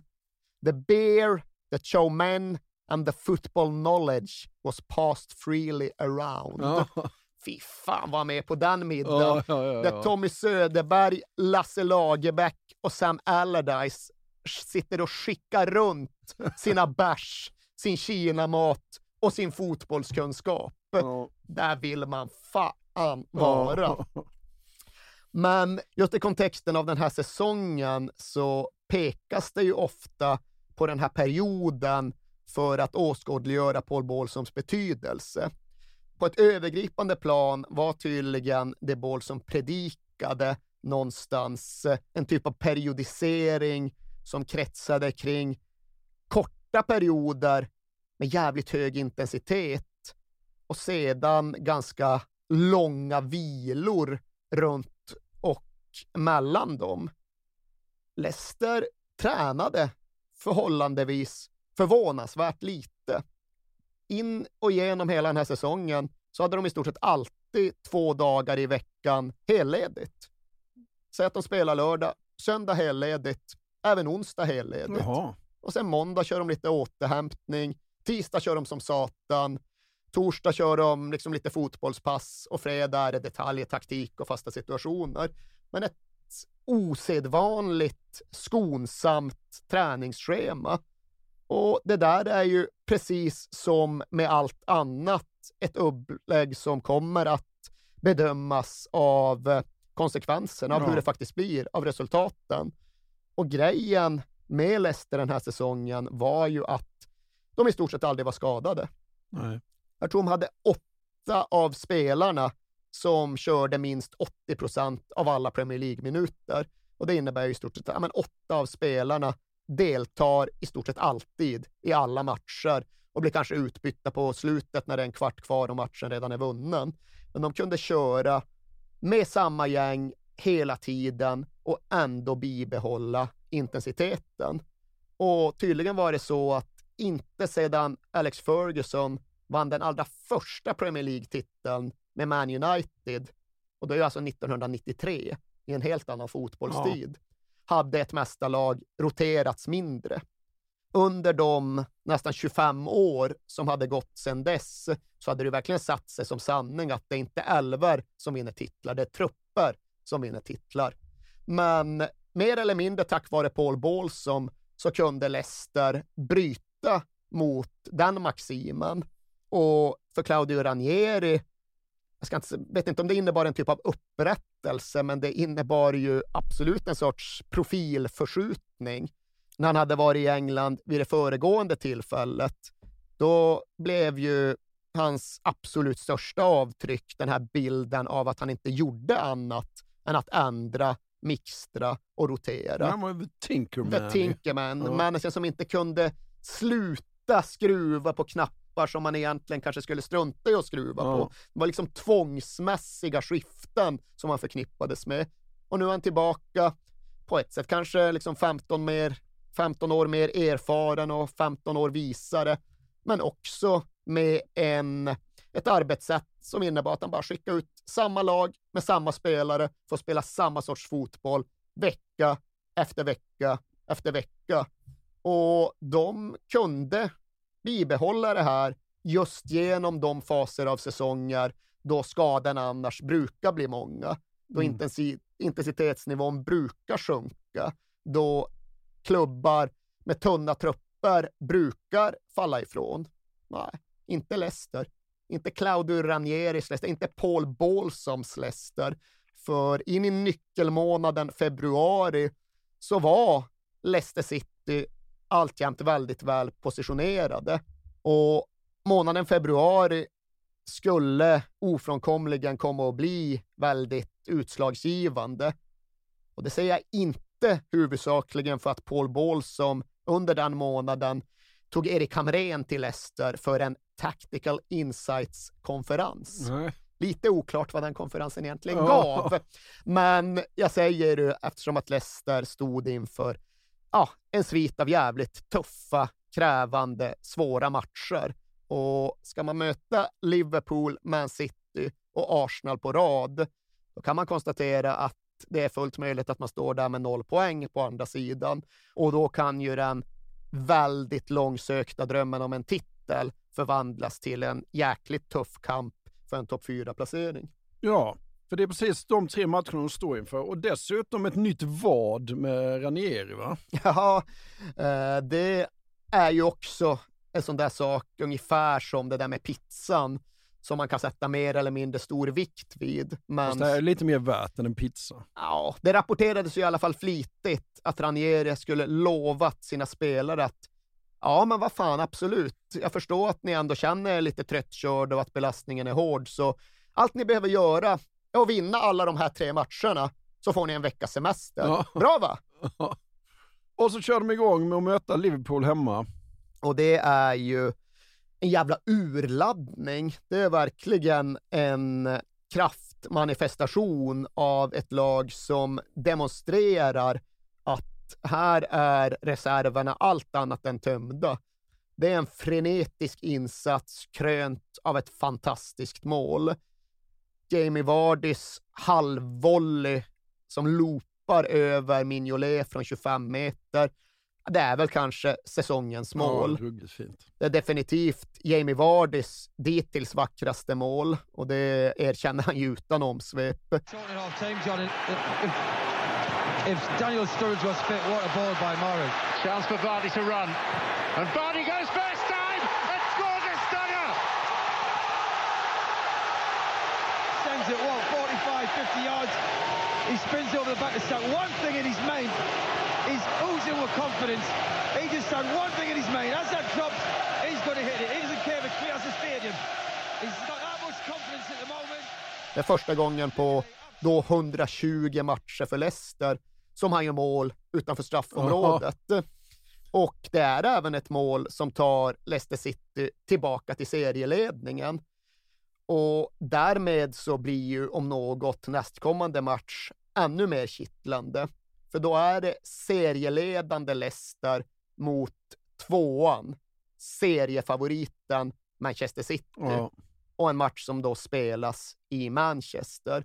Och i den mån vi nu sätter någon tilltro till bookmakers och deras kunskap och deras bedömningar så var fortfarande Manchester City ja, men rätt klara favoriter i det här läget. Okej, okay, de toppar inte, de ligger tvåa, men herrejösses, kolla, de har Agüero, de har Yahya Touré. Det- De kommer ju springa ifrån. Men någonstans förändras förutsättningarna redan inför den här matchen.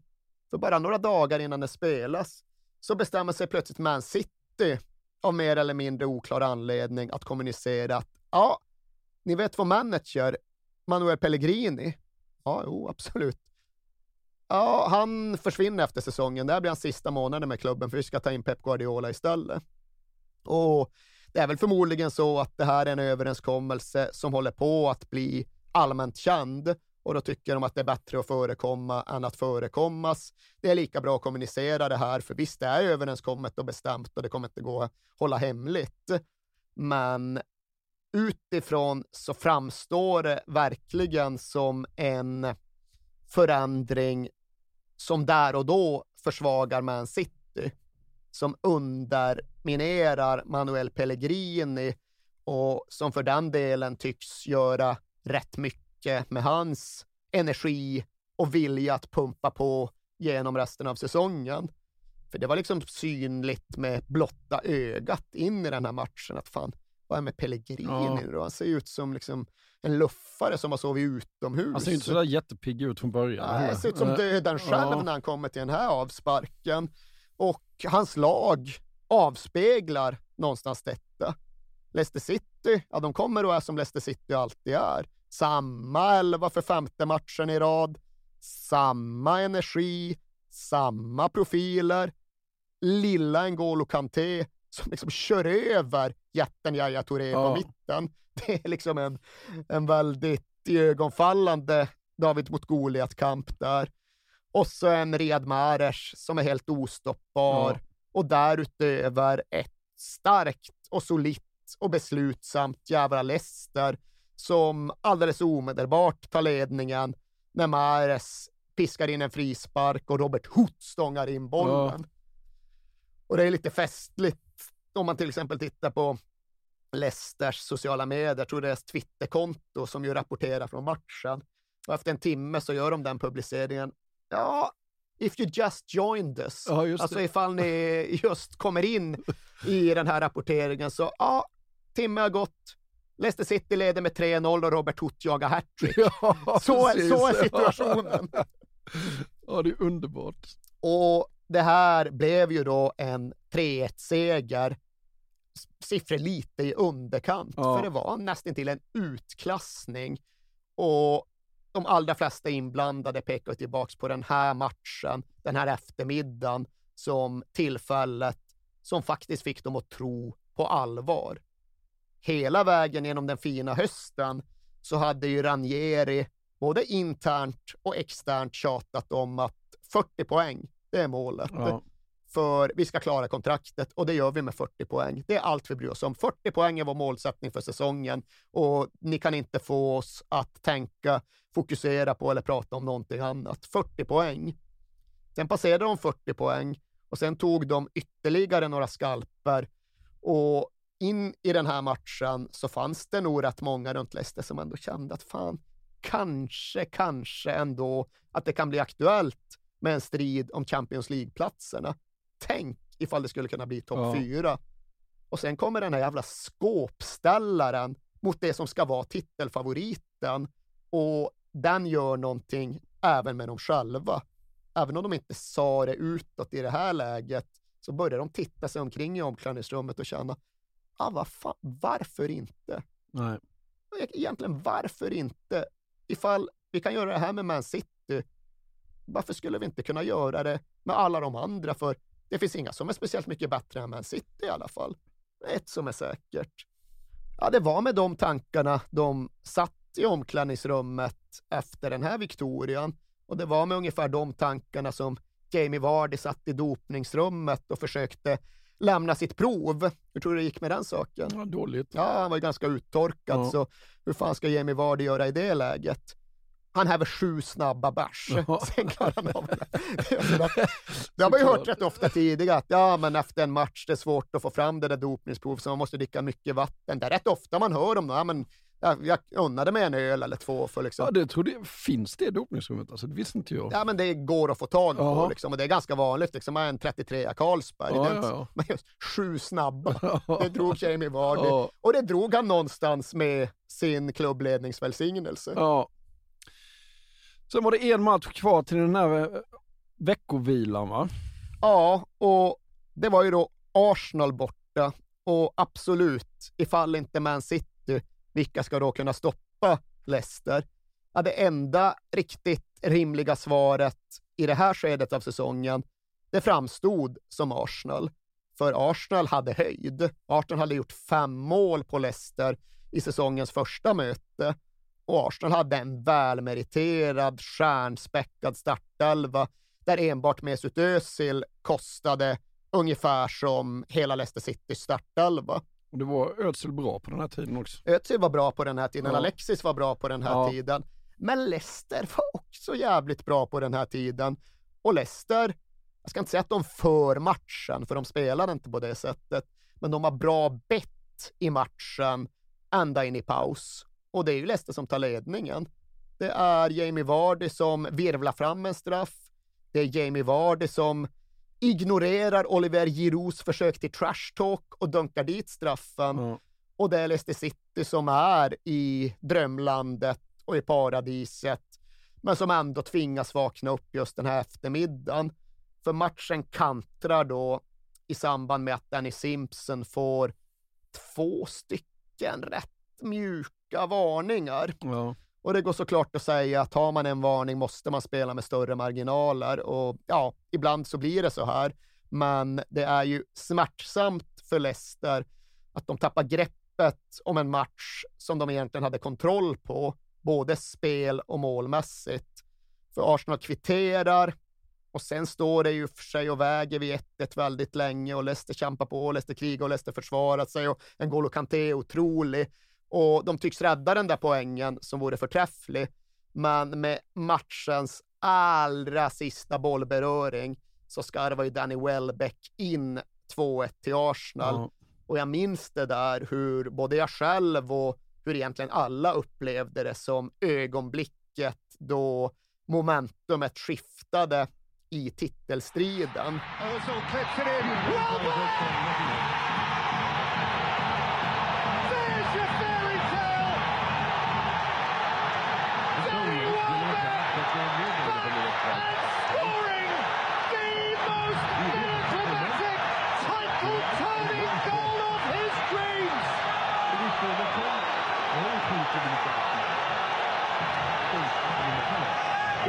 Incredible finish, Peter? Fifth minute of stoppage time. You're back in it, Arsene. You are right back in it. Danny Welbeck, right back in the team. Right back in the thick of it. Right back in the headlines. Här ska jag bara nämna det som absolut är en typ av hang-up för mig när det kommer till hela den här berättelsen om den här säsongen.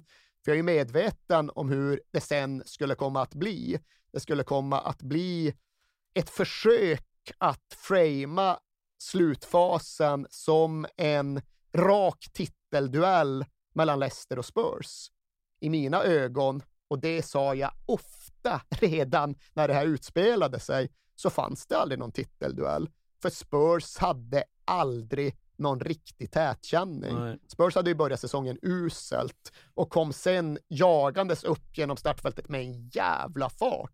Men som sagt, Spurs var aldrig i närheten av någon tätkänning. Det finns de som fortfarande liksom har den här villfarelsen om att Tottenham på något sätt kollapsade och kastade bort titeln. Ja. Och visst, de kollapsade så tillvida att de presterade illa när Leicester redan hade säkrat titeln matematiskt. Ja. Men det var ju aldrig så att de hade någon titel i händerna och lät den halka iväg. För det fanns noll omgångar den här säsongen då Tottenham toppade ligan. Ja. Det som däremot fanns, det var rätt många omgångar då Arsenal tappade, toppade ligan.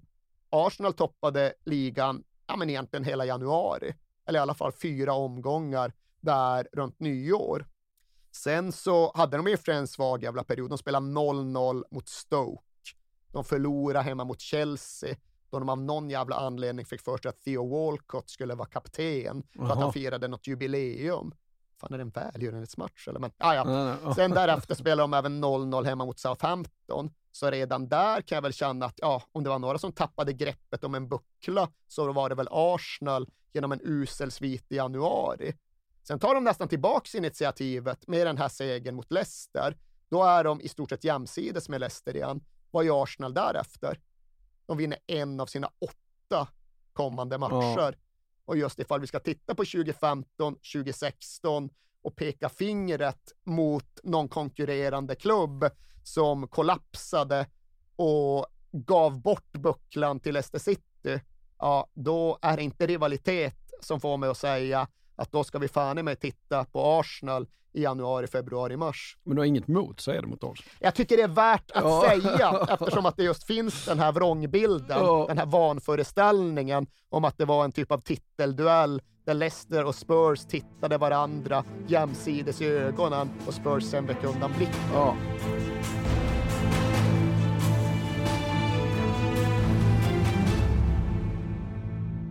Men efter den här matchen gör Ranieri något som i efterhand sägs vara ett genidrag också. Ja, och som kanske är lite uppumpat, Ja. men som absolut har betydelse, som är våghalsigt, som nog också kräver mångårig erfarenhet för att faktiskt genomföra. För precis som eh, du berättade tidigare så hade de ingått en typ av vad. Laget skulle bara ge Ranieri nio poäng från Liverpool, Man City och Arsenal, så skulle de få en veckas semester. Nu blev det inte nio poäng. Nej. Det blev ju inte ens sju för att de släppte in ett segermål i 95 mot Arsenal borta. Men det Ranieri då gör är ju, jag ska inte säga såklart, men det är ändå hyfsat rimliga att han säger ni vinner den första, ni vinner den andra, ni leder den tredje fram till det att ni drabbas av ett tveksamt rött kort. Sen kämpar ni som jävla tigrar tills det att ni släpper in ett mål i 95. Jag kan inte klaga på ansträngningen här. Jag kan inte klaga på prestationen. Ni får eran semestervecka. Ja. Iväg med er bara. Gör i stort sett vad fan ni vill. Kanske inte behöver skänka 10 000 pints, men liksom kan er fria. Och det... Jamie, Jamie Vardy åkte ju till Dubai och sa att nej, men det var inga benders, sådär. det var lugnt. Ja, nej, men det var ju tydligen sju spelare som mer eller mindre oberoende av varandra åkte till Dubai, Ja. för det är dit fotbollsspelare Exakt. åker. Ja. Om det inte är Nigel Pearson som bestämmer så är det i Dubai folk hamnar. Ja. Och det var nog inte så många benders för Jamie Vardy. Nej. Liksom den gången han siktad med en flaska i handen under den här semesterveckan, då är han på någon jävla zoo i Dubai och matar en tigerunge med mjölkflaska. och jag vet inte fan vad det handlade om egentligen, men det gjorde han. Ja. Och sen drack han i och för sig absolut en del djupilar, för han var ju inte, han tyckte inte det var trist att vare sig uppleva eller berätta om den situationen där han låg med sin djupilar på solbädden på stranden i Dubai och sen kunde njuta av det faktum att hårt pressade Sunderland hade åkt ner till Dubai på en typ av träningsvecka Ja. mitt under säsongen. Där Leicester fick slappna av och Jamie Vardy fick dricka djupilar. Då fick Sunderland gå igenom en typ av straffexercis för att försöka samla ihop laget inför säsongsavslutningen.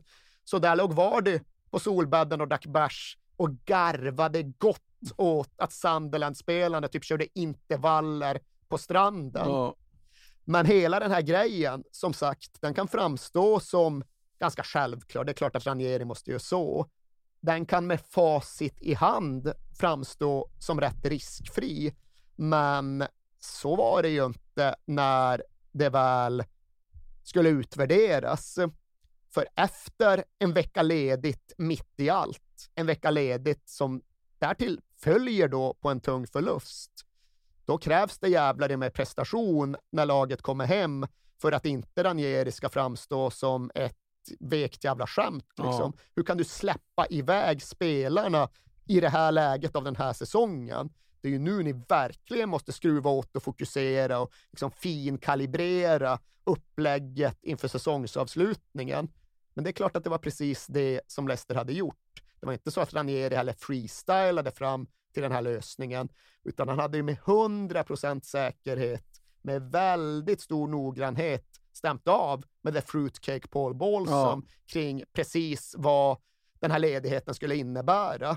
Och just ett Leicester som någonstans konserverade sin intensitet. Det var ett Leicester som mådde bra av en vecka med Jupilerflaskor och tigermatningsflaskor i Dubai i februari. Ja. Hur går det när de kommer tillbaka då? Jo, det blir en jävla krampaktig typ av nyckelmatch. För här är det som sagt inte bara utvärderingen av Dubai-veckan som står på spel, utan här är det absolut känslan in i säsongsavslutningen givetvis även den faktiska tabellplaceringen. Det är Norwich hemma och ska man vinna några ligor, ska man komma topp fyra, så då bör man nog se till att slå Norwich Ja. hemma efter en vecka i Dubai. Men det sitter långt inne. Jämn match, chanser åt båda håll. Till slut en match som tycks puttra ut i ett rätt uselt 0-0-resultat. Men då gör till att börja med Ranieri en taktisk förändring för att jaga seger. Med knappt 20 kvar så tar han ut vår kompis Daniela Martey och sätter in den argentinska reservanfallaren Leonardo Ochoa. Och det var ju den sortens säsong då lag och manager var inne i den här zonen och i det här flytet där det någonstans är självklart att Leonardo Ochoa ska avgöra i 89 minuten. Och det är såklart precis det han gör. Fast. Walter away from Tete. Mares now. Albrighton to his right. Albrighton. Vardy. Ochoa! Leicester have had issues today, but Leonardo Ochoa has resolved them. And their title challenge resumes. Patience is a virtue. Well, it just shows how cruel this game can be. You think of the chances and opportunity Norwich have had. Och här uppstår ju också en av de här betydelsebärande anekdoterna som många gärna hänger upp hela det här fotbollsmiraklet på. För festligt nog så hade då några intet ont anande geologstudenter satt upp någon jävla studie i en lokal några hundra meter bort från Leicesters arena.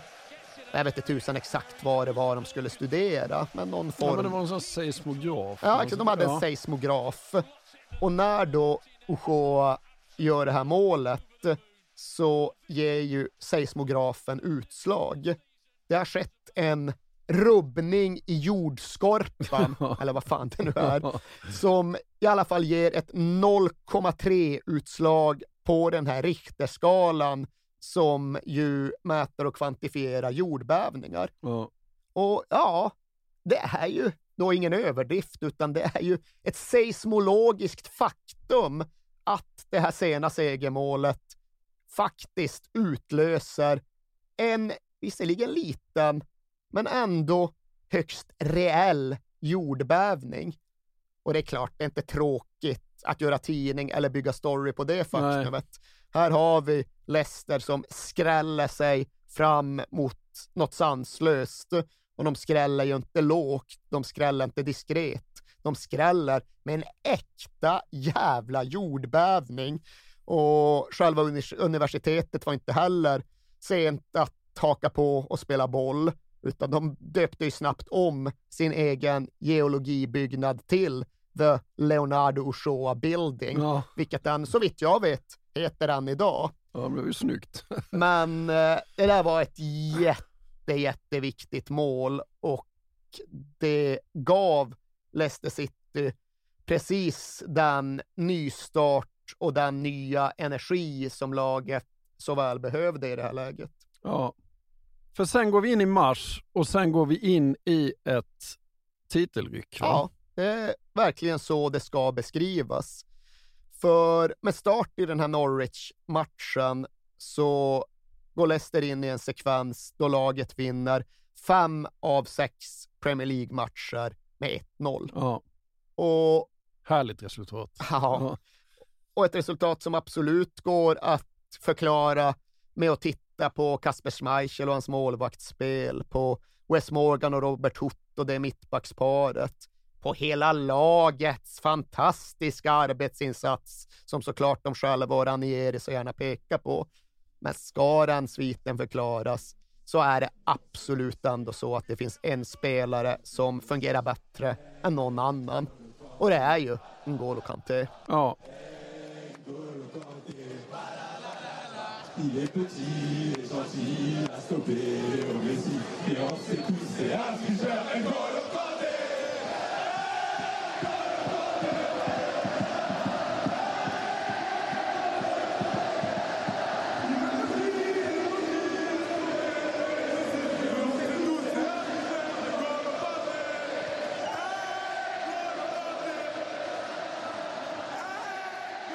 För till mitt under, eller i början av den här sviten av 1-0-segrar, den här sviten då det blev tydligt att Leicesters backlinje var så jäkla skyddad att den knappt ens hotades, så fanns det ju de med lite bättre fotbollsögon än andra som upptäckte saker som de flesta inte hade sett.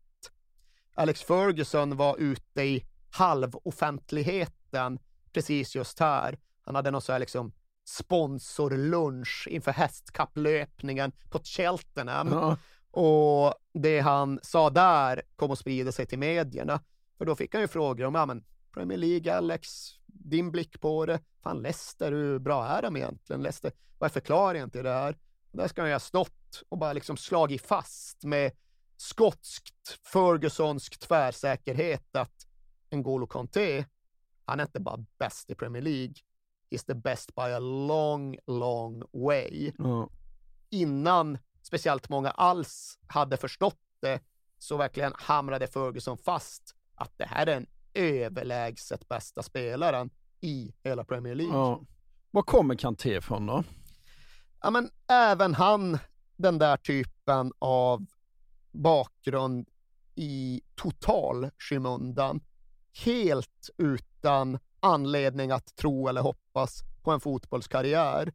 Och någonstans liksom mitt emellan Mahrez och Jamie Vardy på utdömdhetsskalan. Eh, inte så långt nere som Vardy under så lång tid, men inte heller erbjuden några provspel i skotska division 2-klubbar, utan verkligen, verkligen förbisedd. Och det var ju framför allt för att Dels för att han spelade som han spelade, ett självuppoffrande spel i skymundan, men framför allt för att han såg ut som han såg ut. Ja. Och han såg ju, han var ju så väldigt liten och han såg därtill så väldigt, väldigt ung ut. Och det är ju också en sån där anekdot som alltid återkommer och den hade upprepats så många gånger på lite väl vaga premisser att jag nästan hade börjat avfärda den som vandringssägen. För det som sades var ju då att när N'Golo Kanté först kom till Leicester och liksom gick igenom slutförhandlingarna och gjorde läkarundersökningen så drog han ju in utan att någon brydde sig om honom och han var helt anonym och han var helt okänd. Och när han sen skulle lämna träningsanläggningen för att åka tillbaka till hotellet så stod han vid grindarna och såg mest bara vilsen ut och en av eh, de som jobbade på anläggningen ska ha gått fram till honom och liksom bara försökt kolla läget. Oj, oj lilla pojke, liksom, här står du och ser vilsen ut. Vad, vad kan jag hjälpa dig med? Ja, taxi, taxi och pratar knappt någon engelska. Men eh, den här anställda, ska då, ha taxi, vart ska du? Ah, Hilton, hotell Hilton. Ah, jaha, Ja, det är jättesnällt av dina föräldrar att sätta dig på ett så fint hotell. Liksom. Eh, det blir jag verkligen imponerad av. Men ja, jag ska se ifall, jag vet inte om dina föräldrar ska inte komma och hämta dig då de är inte här och har följt med dig. Och på fullaste allvar ska den här personen ha uppfattat en N'Golo Kanté som någon kille som har kommit för att kanske provspela för 15-åringslaget. Ja. Jag tänkte, men det är en skröna, det är liksom råttan i pizzan. Men med tiden så är det faktiskt en av de anställda som har trätt fram med, med namn och bild. Uh-huh. Nu kommer jag inte ihåg exakt vad han heter, men han har berättat den här storyn och sagt liksom själv, jo men exakt så här var det. Uh-huh. Jag trodde han var 12. Uh-huh. Jag trodde han var 12 år gammal. Hade ingen aning om vem det var, men kände liksom mig genuint bekymrad på ett faderligt sätt för att den här lilla pojken stod och verkade vilsen och övergiven i ett främmande land. Jag har sett bilder på honom där han spelar någon eh, sån ungdomsturnering och det, där hans lagkamrater, de är ja, nästan dubbelt så ja. stora. Ja, det är ju så. Alltså, när han spelade han började så, såklart, men han började sent med organiserad fotboll, ja. vilket också ligger i linje med hela hans karaktär. Men när han var så 9-10 år och var ganska färsk i organiserad fotboll, han var inte ens 1,20 lång. Nej. Alltså så extremt kortvuxen. Och här finns det ju någonting som också är värt att liksom verkligen stanna till vid och slå fast och konstatera och reflektera kring. För de tre då absolut största centralfigurerna i det här laget, de tre bästa spelarna, Jamie Vardy, Riyad Mahrez, N'Golo Kanté, alla dunderratade av hela fotbollsindustrin, av hela akademisystemet när de var i tonåren. Och den absolut största anledningen, som de alla vittnar om, det var att de var för små. Ja. För fysiskt outvecklade, för tunna. Ja. Och det var så för Vardy. Det var liksom det han fick som förklaring. Nej, men du är för liten. Vi tror inte att du klarar elitfotboll. Och han var ju ändå liksom, ja, han var väl lite liten, men inte ögonfallande liten. Men Riyad Mahrez, ännu mer så. Inte extremt kortvuxen, men väldigt tunn. Och så då en N'Golo Kanté som var extremt liten på alla sätt överhuvudtaget. Ja. Och här menar ju jag att definitivt tidigare, nu kanske lite förändrat i och med att Barcelona blev så stilbildande över tid med sin tiki-taka-fotboll och sin Xavi, Iniesta och Messi. Men över tid, alltjämt idag, så finns det ju ett systemfel och ett strukturfel inom den globala fotbollssporten så tillvida att den inte klarar av att se förbi det fysiska. Nej. Det är fortfarande den stora, den välvuxna, den snabba killen som väljs ut och som prioriteras och där de andra som väljs bort egentligen oberoende av egenskaper.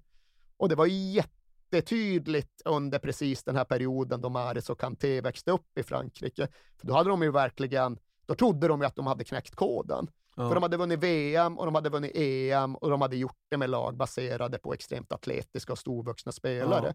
De hade liksom erövrat världen med Vieira, Thuram, Blanc, Desailly, Henri.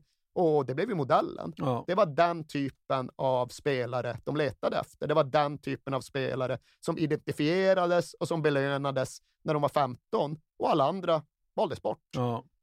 Och så tror jag som sagt att det egentligen fungerar över hela världen i stort sett vilken tid som helst. Det kan vara lite skiftningar och fluktuationer hit och dit, men det har nog aldrig, vad jag kan komma på, blivit så tydligt som i Frankrike under den här tiden. Nej. Det var ju samma sak med Griezmann liksom. Ja. Och som sagt Mares, men definitivt Kanté. För med honom var det också så att det var inte bara det att han inte hade storleken, han hade inte heller spelstilen.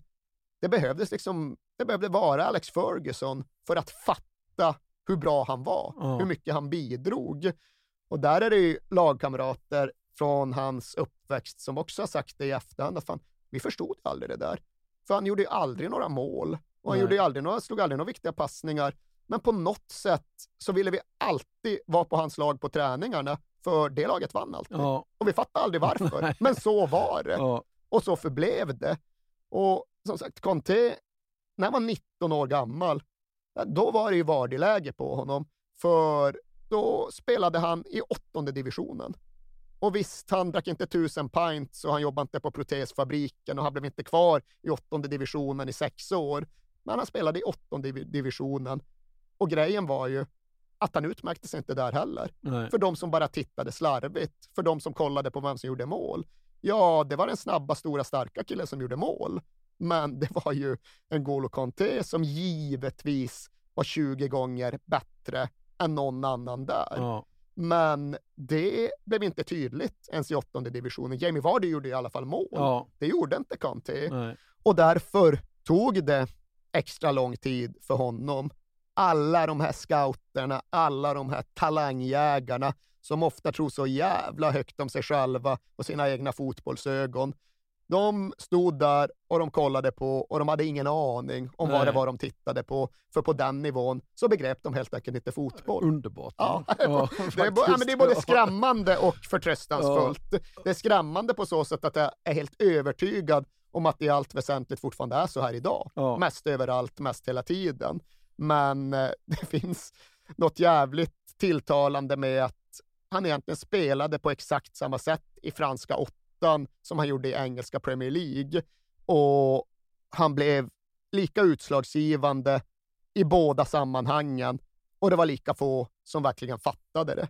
Och det finns inte ett lag i världen idag som inte skulle sätta honom i startelvan, tror jag. Nej, och det finns inte ett omklädningsrum i världen, en arena i världen där inte en Golo Kanté skulle bli reservationslöst älskad. Ja. För det finns ju ingen någonstans i något sammanhang som har ett enda ord, ett enda ont ord att säga om Nej. honom.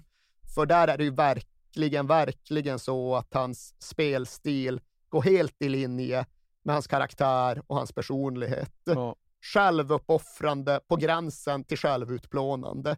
Allt går liksom ut på att han ska vara osynlig och så ska alla andra få skina för att han gör dem bättre. Ja. Och det är ju någonting också som ja, men Leicester-spelarna vittnade om. De hade visserligen fått förklarat för sig att ja, men det är inte en 12-årig kille som kommer hit och ska spela med, det är liksom eran lagkamrat. Så Mm. ni får lära känna honom och ta hand om honom. Men det var ju helt omöjligt för dem att liksom lära känna dem på det sätt som de var vana vid. Ska du med på puben och skrävla en Golo? Ja. Vi dricker sju pints och så ljuger vi och skryter lite. Det var inte riktigt den kommunikationen som funkade på en Golo Kanté. Han fick en taxi till Hilton den där första dagen, men sen kom han liksom in och pratade med folk och förklarade att ja, nej, men det var inte så långt, så jag tror nog att jag promenerar från och med nu fram och tillbaka till träningen. Fan, du kan inte promenera. Nej, okej, då gick han med på att skaffa sig så en liten jävla minibil. Ja. Liksom. Alltså, En mini. ja. en mini, var en Ja. hundkoja, är det Ja. det man säger? En begagnad var det. Och sen liksom skramlade han runt i den och mer väsen än så gav han ju inte ifrån sig. Nej. Pratade inte, sa ingenting och gjorde ju såklart inga intervjuer. Blev ju ändå tvungen att liksom göra någon typ av så introduktionsintervju med Leicesters egna kanaler. Och där hade de liksom gjort klart förutsättningar på förhand att ja, men N'Golo förstår engelska jättebra. Han kan prata lite engelska, så språket är inga problem. Men ja, det kanske inte blir några jättelånga och uttömmande och eldiga svar. Och den där, jag tror aldrig, den- om jag fattar det rätt så blev den aldrig sänd. Den har liksom cirkulerat runt sig i offentligheten som mer eller mindre tjuvpublicerad, men den blev aldrig sändningsbar. För det var någon månad in och liksom bara någon så öppen fråga i början om att fan, bra start ändå en N'Golo, både för dig och för laget. N'Golo som först sitter han bara tyst, mumlar han, så tyst, det går knappt att höra liksom. The good start is better for me than a bad start. och sen är det liksom slut. Blir inget mer. Ja.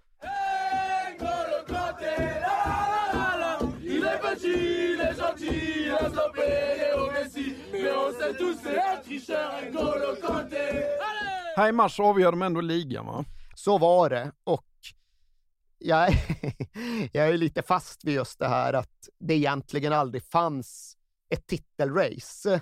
Det behövde skapas ett medialt titelrace för annars blir det tråkigt. Men Leicesters försprång och Leicesters fart gjorde så att de aldrig var hotade att fångas in. Det fanns, det fanns en kvart ungefär då det faktiskt fanns någon typ av titelrace. Och det var när Spurs ledde derbyt mot Arsenal hemma precis i början av mars. mars. För i det läget var de uppe på samma poäng som Leicester, men med en match mer spelad. Så det var fortfarande frågan om en trepoängsledning Mm. och därtill så tappade ju Spurs den där ledningen, blev 2-2 och det var tillbaks till fem poäng. Och där var ju Leicester. De ledde med fem poäng, med till att börja med åtta omgångar kvar. Och redan där så är det så att ingen hade någonsin tappat en fempoängsledning med åtta omgångar kvar i Premier League. Så redan där är det utifrån och objektivt sett inte kassaskåpssäkert, men det finns inga tecken på att det ska bli ett skifte av ledarlag. Och sen kom det någon 1-0-seger till och så drygades ledningen ut till sju poäng och därtill så återstod ett lätt spelschema. Så ifall vi återigen ska gå till våra bookmakers, de som faktiskt ger sig själva betalt för att veta och analysera bättre än några andra, de kapitulerade ju här i mitten av mars. De började betala ut pengar Ja. till de som hade spelat på Leicester som seriesegrare. Men de gjorde det i och för sig på brittiskt manér. Där är det inte lagt kort ligger vad gällde lagda spel. Så brittiska bookmakers brukar ju ofta i den här typen av situationer höra av sig till spelarna och säga att ja, det ser onekligen ut som att ditt spel kommer gå in här. Men är du säker? Är du verkligen helt säker? Ska vi inte göra så här att du får en del av vinsten här? Och det var precis det som hände. Det var flera spelare som, det fanns ju inte skitmånga. Det var ju Nej. någon handfull Leicester-supportrar som hade slängt in ett skojspel på Leicester City som seriesegrare. Ja. Men i och med att oddsen var så hisnande så blev det ju ändå fråga om rätt mycket pengar. Det var en snubbe som hade satsat 20 pund. Liksom 20 pund, där är 250 spänn. Ja, men det är 5 000 gånger pengarna. Ja. Han skulle få ut mer än 100 000 pund, Ja. alltså mer än en miljon kronor. Och det är klart att det var ganska lockande. Han blev kontaktad och erbjuden 30 000 pund, Ja. alltså 350 000 spänn ungefär, för att kunna casha in två månader i förväg och ändå få en jäkla jättevinst. Och den snubben vet jag accepterade erbjudandet, men sen också ut och prata om det. Han sa att alltså, helt ärligt så ska jag göra någon form av krass kalkyl så hade jag absolut inte gjort det. För jag kollar också på spelschemat och jag ser också försprånget och rimligen vinner Leicester ligan. Men jag är en Leicester City-supporter och jag vill inte få min upplevelse förstörd av att hålla på och tänka på pengar genom den här jävla ligaspurten. tycker jag var jävligt fint sagt. Det var det och det var Ja. också väldigt begripligt. Jag kan Ja. verkligen, verkligen förstå det. Att känslorna är så starka och fruktan för att tappa en sån där position är så fasansfull alldeles oavsett. Så man be- behöver inte någon miljon kronor hängandes över Nej. huvudet för att på något sätt förstärka upplevelsen. Vad var det, vad fan hette han i TV3-reklamerna väldigt tidigt som satt och skrek framför TVn och vrålade om han spelade på oddset för att det är lite extra krydda till matcherna på TV. Ja. Fan vad en Leicester-supporter inte behövde lite extra Nej. krydda till matcherna under den här fasen av den här säsongen. Men lite press måste det ändå vara på dem va? Både ja och nej. Det finns egentligen bara en match, en dag då det går att skönja eller då det någonstans går att liksom skrapa fram ett Leicester som kanske skakas lite grann eller som påverkas av situationen. Och det är hemmamatchen mot West Ham i mitten av april när det återstår fem omgångar. Men även här är det rätt mycket en fråga om hönan och ägget. Och min bild är ju verkligen att det är ägget som blir ett lite skakande Leicester. Det är inte så att matchen blir som den blir för att Leicester darrar, utan matchen blir en jävla kaosmatch. Och när väl stridsröken skingrar sig, ja då kanske man kan fråga sig om inte Leicester kommer skaka lite grann i alla fall. För här går ju saker och ting inte enligt planen. de tar ledningen och det är en känsla av en lavin som inte går att stoppa fram tills det att huvuddomaren ingriper Ja. och börjar fatta rätt svårbegripliga beslut. En redan varnad Jamie Vardy, en förbannad Jamie Vardy, för han tyckte inte den första var gult, eh, störtar omkull i straffområdet i en situation då Ja, det går att hitta en förstärkning, det gör det, men det är ändå jävligt bistert att skicka fram ett andra gult för filmning i det läget. Alltså han har, han har hela armen runt, eller handen på axeln och drar i honom och sen så förstärker han. Men i en VAR-situation så är jag nästan säker på att han skulle få ett straff. Ja, det är ju en förstärkning, men det är inte en filmning. Nej. Men han blir utvisad efter ett andra gult för simulering. Ja. Han är inte nöjd i det omklädningsrummet kan jag meddela. Det Han slås säger- sönder en del prylar Han där. säger ju ingen vacker grej till domaren när han går ut heller. Man ser. fan, det såg jag ju faktiskt någon som hade gjort um, läppläsningen kring. Ja. Det var bara ah, fucking disgrace, you fucking twat eller vad det nu var. Ja. Det var något i den stilen. Men det är ändå bara början på Leicesters domargenererade elände. För därefter, när de är nere på 10 man, så produceras ju även en West Ham-straff ur väldigt lite. Mm. Och då är det kvitterat. Och sen svingar, det är väl Aaron Cresswell in en jäkla halvvolley som är West Ham-ledningen precis i slutet. Och där, tappad ledning, avstängd storstjärna, vrede mot domaren. Ja, där är ett lite intressant psykologiskt läge. Men sen skiftar ju den situationen i och med att den här domaren får för sig att fan, det är nog bäst att skaka fram en kompensationsstraff Ja, väldigt här. mycket så, ja. Ja. Annars blir det svettigt på Ja. riktigt. Så Leicester får ju en skämtstraff i 95. Och då är det såklart jäkligt starkt av Leonardo Ochoa att fortsätta bidra från bänken när han bara drar dit 2-2 på straff i den sista stopptidsminuten. Men alldeles oavsett den viktiga poängen så blir ju den här situationen då mediedramaturgin någonstans skramlar fram en Leicester-darrning. Nu har ni tappat två poäng. Nu blir Jamie Vardy avstängd i minst en, kanske fler matcher. Och nu trummar Tottenham på där bak i tabellen och är på väg uppåt. Nu jävlar, nu kommer ni väl få stora salvan och mer eller mindre klappa ihop. But no foul, Vardy's away again. O'Connor is the defender. Oh, that's a dive, and he's on a yellow card. Now there's a big decision for Jonathan Moss, and he's gone to the He's gone. pocket. And it He's was gone. obvious from Yeah. our vantage point. point, and Jamie Vardy has been sent off. It was a clear dive, no question about it. Jamie Vardy, that's silly, and he has gone, and Leicester City are down to 10 men, leading by the Vardy goal. It's a tough call, it's a big call, but I have to say it's the right call. There's absolutely no contact. Jamie Vardy throws himself into the defender and then throws his legs down. What's the defender? Oh, there's a there's a small coming together actually on the look of the replay.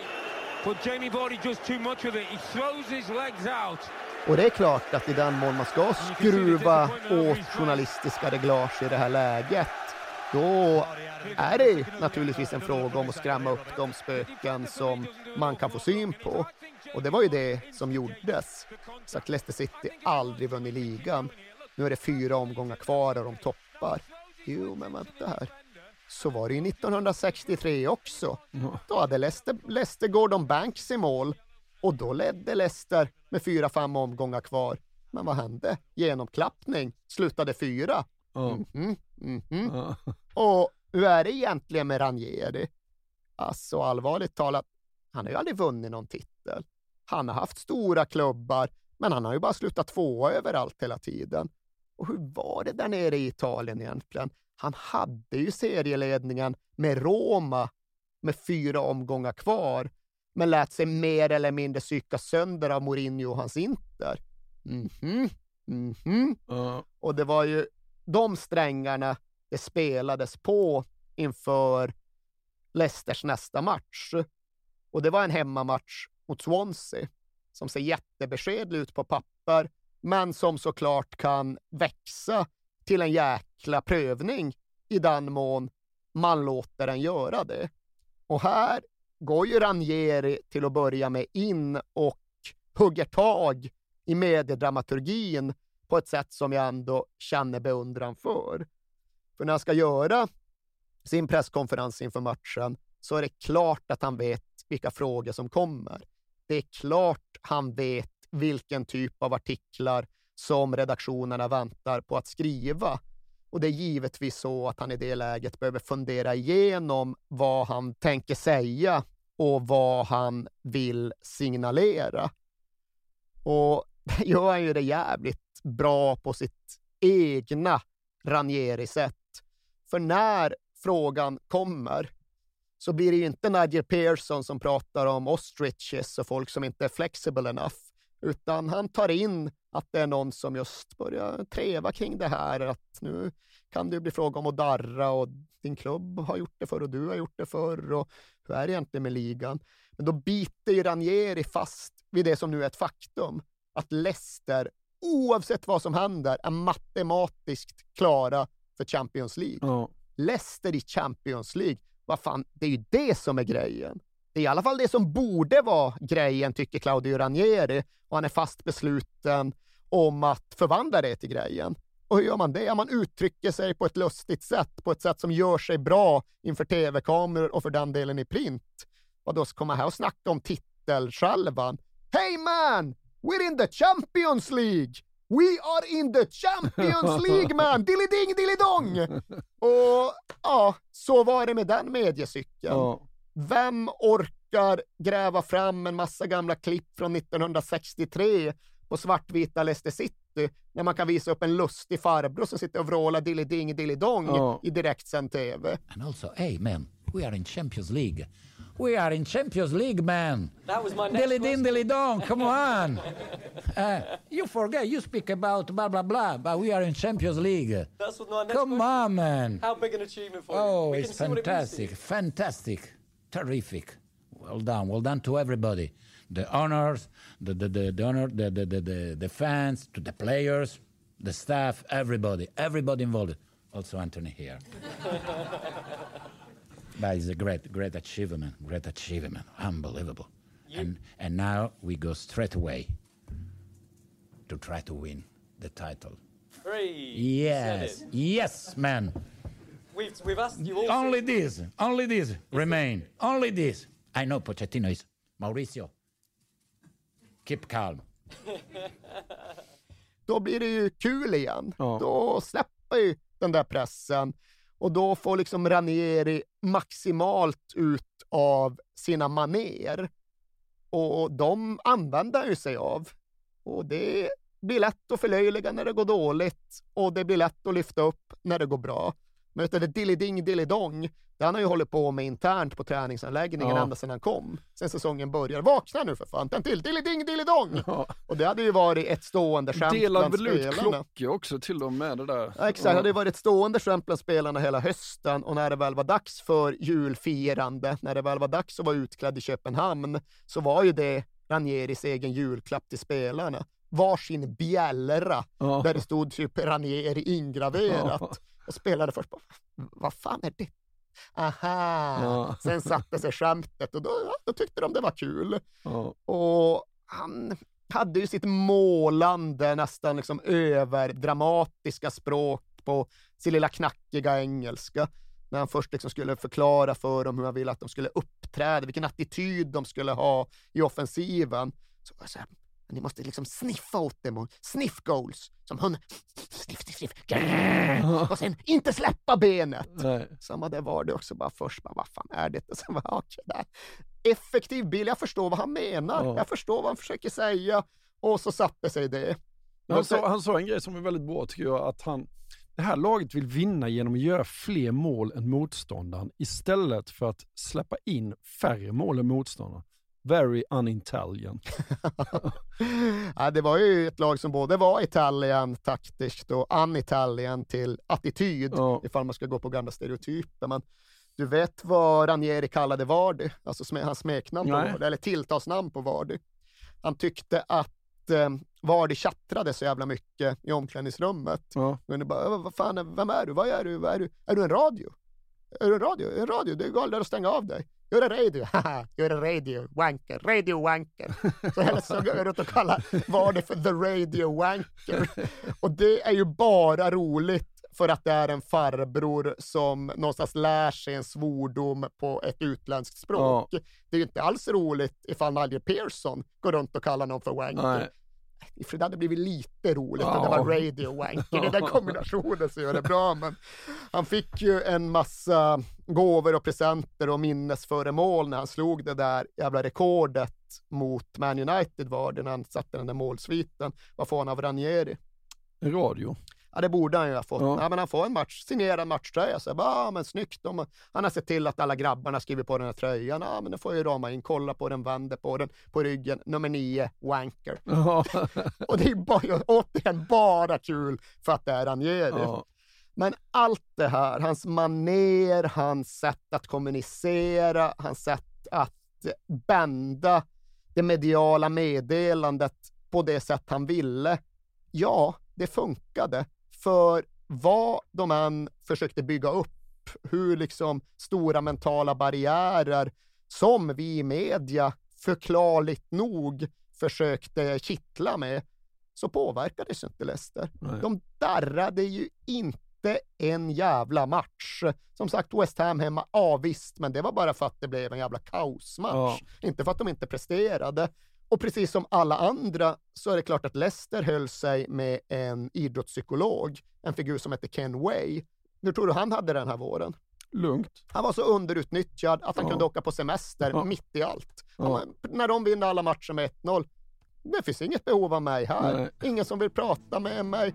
Jag ska absolut inte in och börja prata. Nej, men jag drar. Det är Ja. det bästa jag kan göra.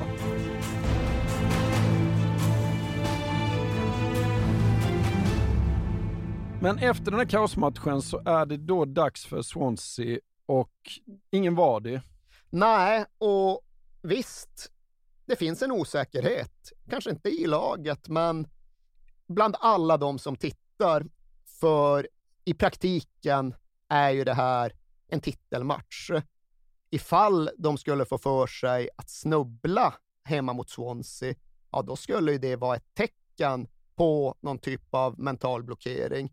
Men ifall de bara städar av Swansea hemma, ifall de bara presterar, ja då är både det psykologiska läget och den faktiska tabellplaceringen sådan att då kan de inte missa ligan. Och det här vet ju staden och det här vet ju arenan. Så det blir ju en väldigt speciell dag att gå på fotboll i Leicester på. Och det fanns grejer med matchdagsupplevelsen som även de var speciella, till och med unika, som du inte hittade någon annanstans i Premier League. Till att börja med så känner alla som har varit på fotboll i Leicester igen deras liksom in i matchen ritual. De har då en ensam trumpetare som spelar The Post Horn Gallop. Och man vill tro att han kallar till rävjakt, men han gör tydligen inte det. Men Nej. det låter så. Det låter som att nu ska, jävarna ska inte, rävarna ska inte bli jagade, men nu ska rävarna ut och jaga. Och den trudelutten har framförts vid alla Leicesters hemmamatcher sedan 40-talet. Det var så när man åkte upp och gick på gamla Filbert Street också. Så det fanns där.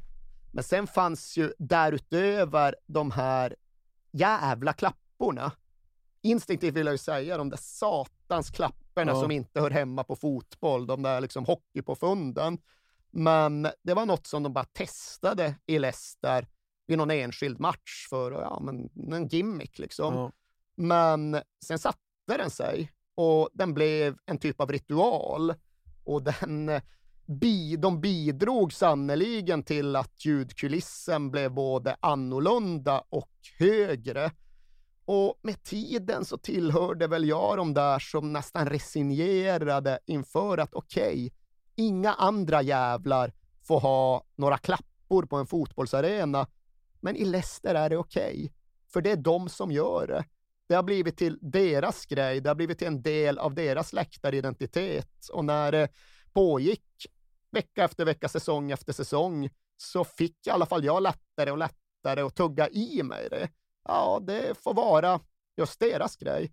De får få det att funka på sitt sätt. Och Ungefär som du känner med Vuvuzela eller? Ja, Nej, jo, skojar. nej, Nej. lite, lite gör jag faktiskt det. Nej. Lite gör jag det. Att ifall nu det är en central del av sydafrikansk fotbollskultur över tid så får de tuta bäst fan vid de vill. där går gränsen. Ja, men sitter vi hemma i jävla norra Västeuropa och gnäller på att vår tv-upplevelse blir förstörd. Det är inte vi som bestäm, dikterar villkoren kring de matcherna, utan det får de göra där i Vi Sydafrika. har olika uppfattningar. Och det får de göra i Leicester. Och där gick det ju ett tag och sen hade de så här opinionsundersökningar. Inte vad tycker ni liksom? Ni som faktiskt är på läktarna. Ska vi ta bort klapparna eller ska vi göra dem till en del av matchdagsupplevelsen permanent här? Det var ju sen 97-3 för Ja, i ja. de omröstningarna och Ja. undersökningarna. Så det är någonstans bara att liksom klappa med och svepas iväg av det som är ett jävla muller. Det går inte att säga något om. Nej. De låter som tusan och de innebär ju också en typ av investering för klubben. Det är inte så att det är en oberoende ultrasgrupp som står och liksom tillverkar de här inför varje match. Och det är ju synd, men eh, i realiteten så skapas, det fabriceras ju nya för varje hemmamatch. Ja. 30 000 klappar varje match. Och det är inte gratis. Nej. Så det gick ju ganska snabbt eh, innan någon gjorde den här uträkningen. Okej, nu har vi betalat så här mycket mer för våra klappar än vi har för Riyad Mahrez. Ja. Så mycket betydde de inte de där klapparna, men något betydde de. Ja. Så trumpethornet, klapparna, för den delen även liksom den blåa vågen som omringade Leicester-matcherna den här säsongen. För det är också en grej med engelska fotbollsarenor. Det är inte ofta så färgstarkt. Folk går dit i sina vardagskläder, de Ja. går dit i sina vanliga jävla täckjackor. Och ifall man är mer organiserad går man dit svartklädd liksom. Det är inte färgsprakande Nej. läktare. Men den här arenan var ju blå. Ja. Alla hade blått på sig. Och det där är också en grej för oss som gillar att eh, intressera oss för fotbollströjor. Att eh, Puma var ju Leicester sponsor på den här tiden. Och de tar ett beslut in i säsongen, ja, men hur mycket kränger vi? 25 000 tröjor tryckte de. Och det var liksom en eh, sansad uppskattning. Men av en eller annan anledning så är det svinlånga produktionscykler på fotbollströjor. Jaha. Så det är alltid så att när det är slut så är det slut. Det Jaha. framställs aldrig några nya fotbollströjor. Och det gör ju just att ja, ibland så överproducerar folk som satan och så tvingar, behöver de reas ut i åratal efteråt. Men rätt ofta så är liksom säsongens aktuella tröja slut runt påsk och sen kommer det inga fler. Men när de är slut så är de slut. Ja, så är det. Och det här året runt Leicester var ju slut i november. Ja, liksom. ja, ja. Det tog ju slut på ingen tid alls. Och det innebar ju en extrem svarta börshandel runt Leicester-tröjorna Ja. 2015-2016. Hade de gillat i Neapel? Ja, nej, det hade funnits potential där. Affärsmöjligheter. Vart var vi? Trumpeterna, klapparna, de blå tröjorna och för den delen även målmusiken. Mm, jag är där också. Jag vill inte ha målmusik. Jag vill att ett måljubel ska stå för sig självt. Mm. Men i Leicester så spelar de ju den här jävla rocklåten Fire som ursäktas av att den är framförd av liksom, de lokala hjältarna, Leicester-supportrarna i rockbandet Kasabian. Ja. Eh, men jag behöver egentligen inte värdera saker och ting mer än så. Det var horn, det var klapper, det var blått och det var fire med Kasabian. Och det var liksom upplevelsen av Leicester-matcherna på hemmaplan 2016. Och när det nu var Swansea så blev det fire, fire, fire. Det var en jävla massa fire, Ja. för det är inga problem överhuvudtaget. Ingen var det. Nej, okej. Ashley Williams gör en blunder i Swansea, slår bollen rätt på Riyad Mahrez. Han rullar in 1-0 och sen så seglar ju bara Leicester mot en jättebekväm, helt odramatisk, helt odarrig 4-0-seger. Och här är det i praktiken klart. Det är Ja. inte matematiskt klart, det är inte i teorin klart. Det kommer alltid vara ett ännu större frågetecken när det är den här typen av underdog som aldrig tidigare hade skådats. Men det var klart. And that's what I'll be looking to see. Oh, given away by Williams. Chance for Riyad Mahrez. Mahrez with the shot. He scores! Breakthrough Foxes. And it's Riyad Mahrez who makes no mistake. He punishes Ashley Williams' error.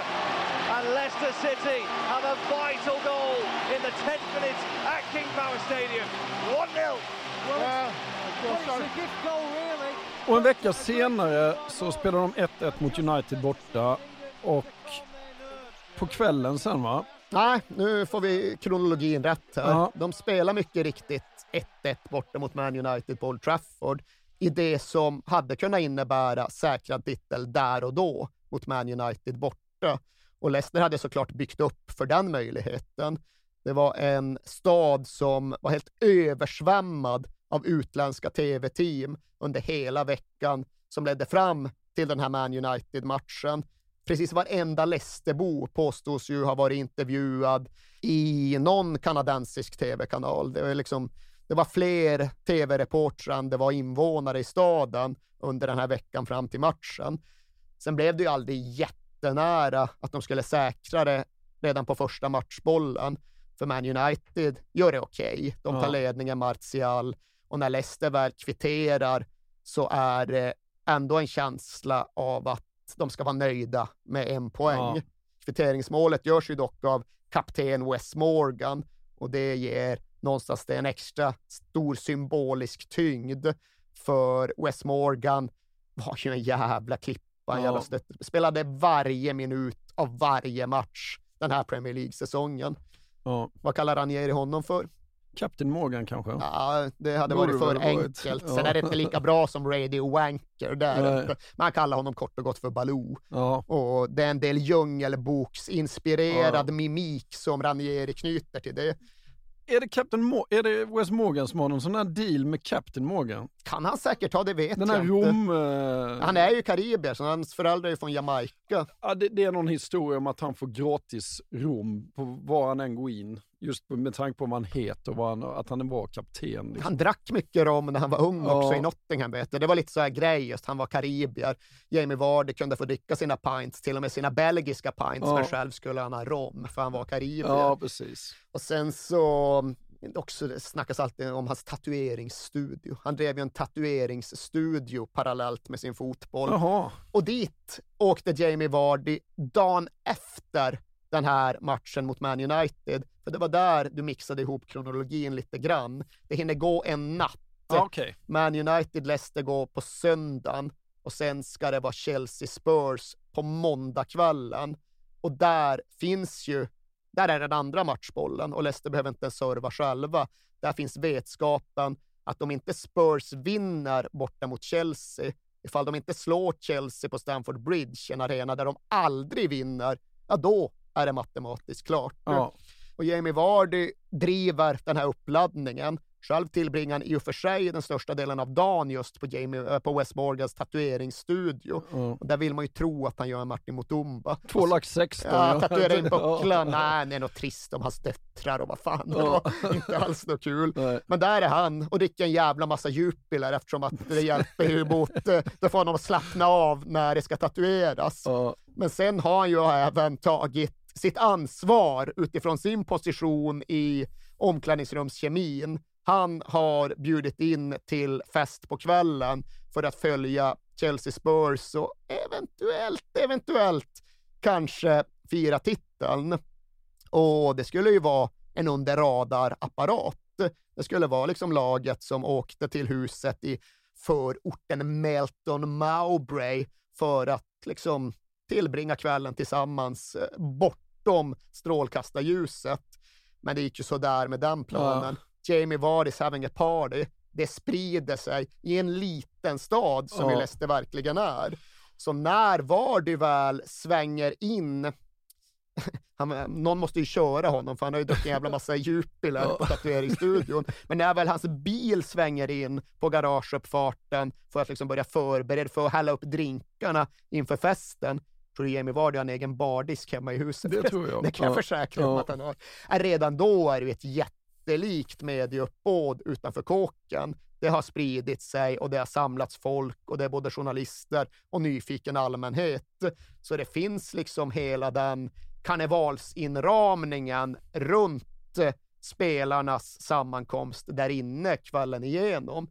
Sen tycks ju allt till en början bli ett jävla Leicester-antiklimax för Spurs skenar då igenom första halvleken på Stamford Bridge. Harry Kane gör 1-0, Heung-Min Son gör 2-0 och inne i huset ska ju Leicester-spelarna uppträda. Precis som vilka fotbollssupportrar som helst i den här typen av match. Alla Spurs-spelare är fucking cunts. Ja. Alla frisparkar ska generera rött kort. Alla Chelsea-spelare är också fucking cunts Ja. eftersom att de håller på att släppa in mål. Ja. Men sen kommer ju den andra halvleken. Gary Cahill, Jamie Vardys landslagskamrat, reducerat till 2-1. Var det fyra iväg smsen? Spelar ingen roll att telefonen är omklädningsrummet. You fucking legend! Liksom. Han smattrar sms. Och sen som alla vet gör Eden Hazard ett helt otroligt mål i typ 83 minuten. Och sen dör ju Vardys TV mer eller mindre, Ja. för de slamdansar ju sönder TVn redan vid kvitteringsmålet. Den står och flimrar och flämtar så de kan ändå följa matchen in i mål. Men det här med reducerad bildkapacitet. Eh, men i det läget är ju Spurs inte kvar längre, utan de ägnar de sista tio minuterna åt att bara försöka sparka sönder Chelsea. Och det finns det många Tottenham-anhängare som inte hade några problem överhuvudtaget. Men Leicester-spelarna inser ju att det är bara en nedräkning. Och räknar ner gör de. Och till slutsignalen kommer de. Och då jävla jublas det. Vilka jävla bilder. Alltså, det är fan det bästa firandet man har sett. Det är ju min absoluta favoritscen är ju den här gigantiska polska mittbacksreserven som aldrig säger någonting. Vasilevski som bara är en stor jävla hård östeuropé som finns i kulosserna. Han liksom släpar runt Wes Morgan längs golvet, Ja, drar omkring Ja. Wes Morgan på golvet. Och det är ju Kanté fantastiskt. står i hörnet och så under armhålan på någon som en liten pojke ser han ut. Nej, det är klart att det är extremt bra bilder och Ja. sen önskar jag att det fanns att någon jävel hade använt sig av drönare redan på den här tiden. För utanför så blir det ju Mardi Gras i Ja. det här skedet. Ja. Liksom. Det ska vara 3-4 tusen som bara liksom strömmar till och har karneval på gatan utanför Vardis hus i den lilla tysta villaförorten Melton Mowbray. Ja. Så Jamie Vardy's having a party, absolut, that's where the party's at. För sen ska det ju sägas att Leicester är inte Neapel och det här är en måndagkväll. Så det är klart att det blir fest, men det är ju inte besinningslöst firande av miljontals människor, utan det är 3-4 tusen utanför Vardys hus som skingras i takt med att spelarna tar sig in till stan och de nattklubbar som är öppna. Och sen är det några tusen som samlas utanför arenan.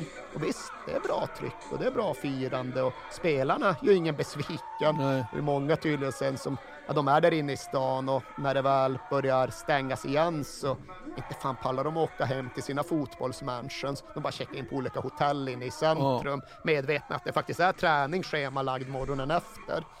Men totalt sett så, vi, äh, vi ska inte beskriva firandet som reserverat på något sätt, för det var det inte. Men den här första natten är det inte så att det är det totalt episka som för alltid skrivs in i historien, utan det var någonstans ett firande grundat i det Leicester med stadsmottot Always the same. Grundat för den delen i det Leicester där ja, men, mer eller mindre majoritet av befolkningen till exempel inte dricker alkohol av, av religiösa skäl. Så ja, i relation till ett Neapel eller för den delen ett Dortmund eller ett Newcastle ifall de någonsin hade lyckats vinna någonting så var det ändå ett firande som hölls inom någon sorts kontroll. Men de ska lyfta bucklan inför hemmapubliken också. Ja, det är inte slutfirat bara för att måndagskvällen går över i tisdag, utan det finns ganska många fler tillfällen att krama mycket ur den här triumfen. Och det givna tillfället som står näst på schemat, det är ju säsongens sista hemmamatch. Det är inte säsongens sista match, för ja, Leicester säkrade det här tidigt. Leicester vann ju klart. De vann ju till slut med typ 10 poäng. Ja. Men det är tillfället då de ska få ta emot bucklan inför hemmapubliken. Så det är klart att det ska bullas upp något alldeles förbaskat inför detta. Och det finns många liksom historier och många anekdoter från den här dagen, men det som ändå fastnar i mig och som även den får mig att här granska, men det kan ju inte stämma. Det är den här uppgiften om hur oerhört många italienare som vallfärdar till staden bara för att finnas på plats runt arenan just den här dagen. Har du sett det? Alltså det, ja, det sägs vara, vilket jag tyckte är 1100 italienare som kommer till Leicester den här dagen bara för att finnas i stan. Det De låter har jättekonstigt. inga. Ranieri skull eller? Delvis, delvis, men utifrån de vittnesmål som finns från italienare som absolut intervjuats så är det lika hög utsträckning, kanske i högre utsträckning, någon idé om att de sluter upp bakom återupprättandet av den romantiska fotbollen, den sanna fotbollen med ideal där ingenting är omöjligt. Det är många som vittnar, ah, men hemma hos oss i Italien, där vet vi redan att Juventus har vunnit Ja. och där handlar allt om makt och pengar och kontakter och det här är liksom vår fotboll som vi levde med när vi var barn och det Ja. är det som rör oss så mycket. Och visst, jag har någon italiensk utbytesstudent som åker upp från London på de premisserna, det kan man väl köpa. Men kolla, så det har verkligen skett. Och det har utgått liksom långa processioner från Italien. Det är inte bara brittisk italienare, utan sju bussar, 40 bilar har fraktat upp italienare till Ja, Leicester otroligt. just den här dagen. Och det är dels då Ranieri, men sen är det ju även det här arrangemanget som de kom överens om att den världsberömda operasångaren Andrea Bocelli ska bli mannen som ramar in hela buckellyftet och hela den här firarmatchen. Och det finns då goda skäl till att de väljer just den vägen. Dels är väl han och Ranieri polare. Dels ska det vara 1100 italienare i Leicester just den här dagen. Men sen hade både Bocelli själv och arian han framför, Nessun Dorma av Puccini, Ja. väldigt starka band till fotbollen och till den gamla fotbollen och till idén om till vad sporten både kan ta och vad den kan ge. För ja, Nessun Dorma, det var ju till att börja med en aria som de då klippte in i alla sändningar från VM 1990 och på så sätt så hänger den tätt ihop med fotboll. Men sen var det ju just Bocelli, det var inte en slump att det var han som sjöng, utan fotbollen hade ju kostat honom, inte livet, men synen. Han var ju blind. Jo, det vet han var, jag. Ja. Ja. men det är en konsekvens av en fotbollsolycka. Jaha. Han stod i mål, fick ett hårt skott i huvudet på fel sätt när han var 12. Det ledde till en hjärnblödning och det ledde till att han förlorade synen. Åh fy fan. Det Men, inte jag. nej, just det att fotbollen tog, men den gav honom också så mycket. Han tillhörde de som klamrade sig fast vid fotbollen, som fortsatte älska den, inte rista liksom. Ja. Levde och dog för Mourinho när de vann trippeln, Ja. men kunde ändå inte låta bli att svepas iväg av Ranieri och det han gjorde med Leicester. Så när han står där och sjunger, när han framför den här arian, så är det ju verkligen det han på något sätt summerar. Fotbollen som bärare av den omöjliga drömmen. Fotbollen genom allt, trots allt. Fotbollen som övervinner och som till sist segrar på sätt som är för svindlande för att överhuvudtaget förstå.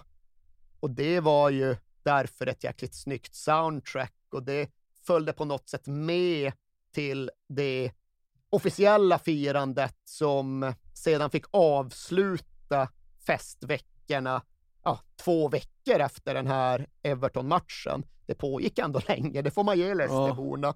Och när det väl kulminerade så var det inte småskaligt och reserverat längre, utan det bor ju sådär 300 000 i Leicester. Ja. De skrämde ut en halv miljon, alltså 240-250 000 av dem för att hylla och ta emot laget i Victoria Park när säsongen väl skulle stängas ner och tackas av. Och då var det ju såklart Nessun Dorma igen och det var Kasabian på scenen. Men det var väl kanske framför allt Claudio Ranieri. Och han står där och han håller sitt hov och han stapplar sig fram på den styltiga engelska som är så lätt att gilla.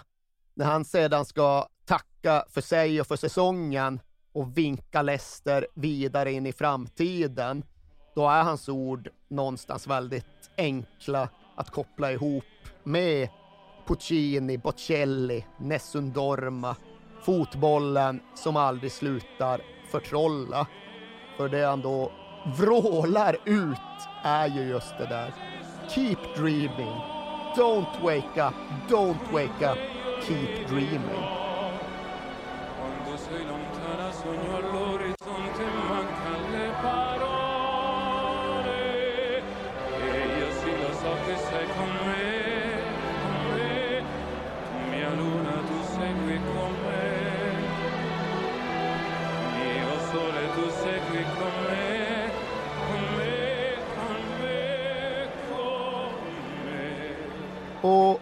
Ranieri och hans lag, de gav ju den här otroliga titeln till Leicester, till klubben, till staden i present. Men deras vidare gåva till hela fotbollssporten är ju just detta.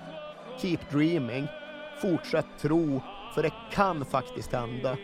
Hur förutsägbart, hur stängt och slutet det än verkar i toppen så kan fotbollen alltjämt överraska och bjuda på det allra mest osannolika.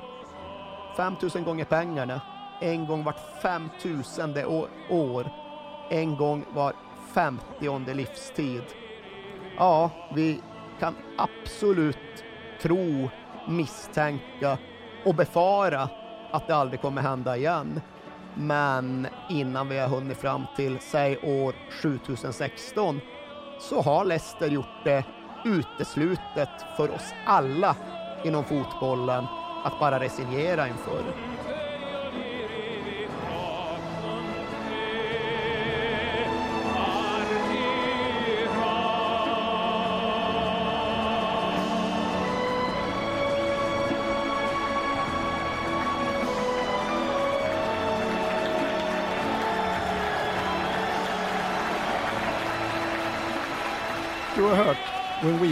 Kings om Leicester 2015-2016. Fortsätt gärna mejla oss på kings@perfectdaymedia.se och följ oss hemskt gärna på Instagram på www.kpodcast. Så hörs vi nästa år. Den här podcasten är producerad av Perfect Day Media.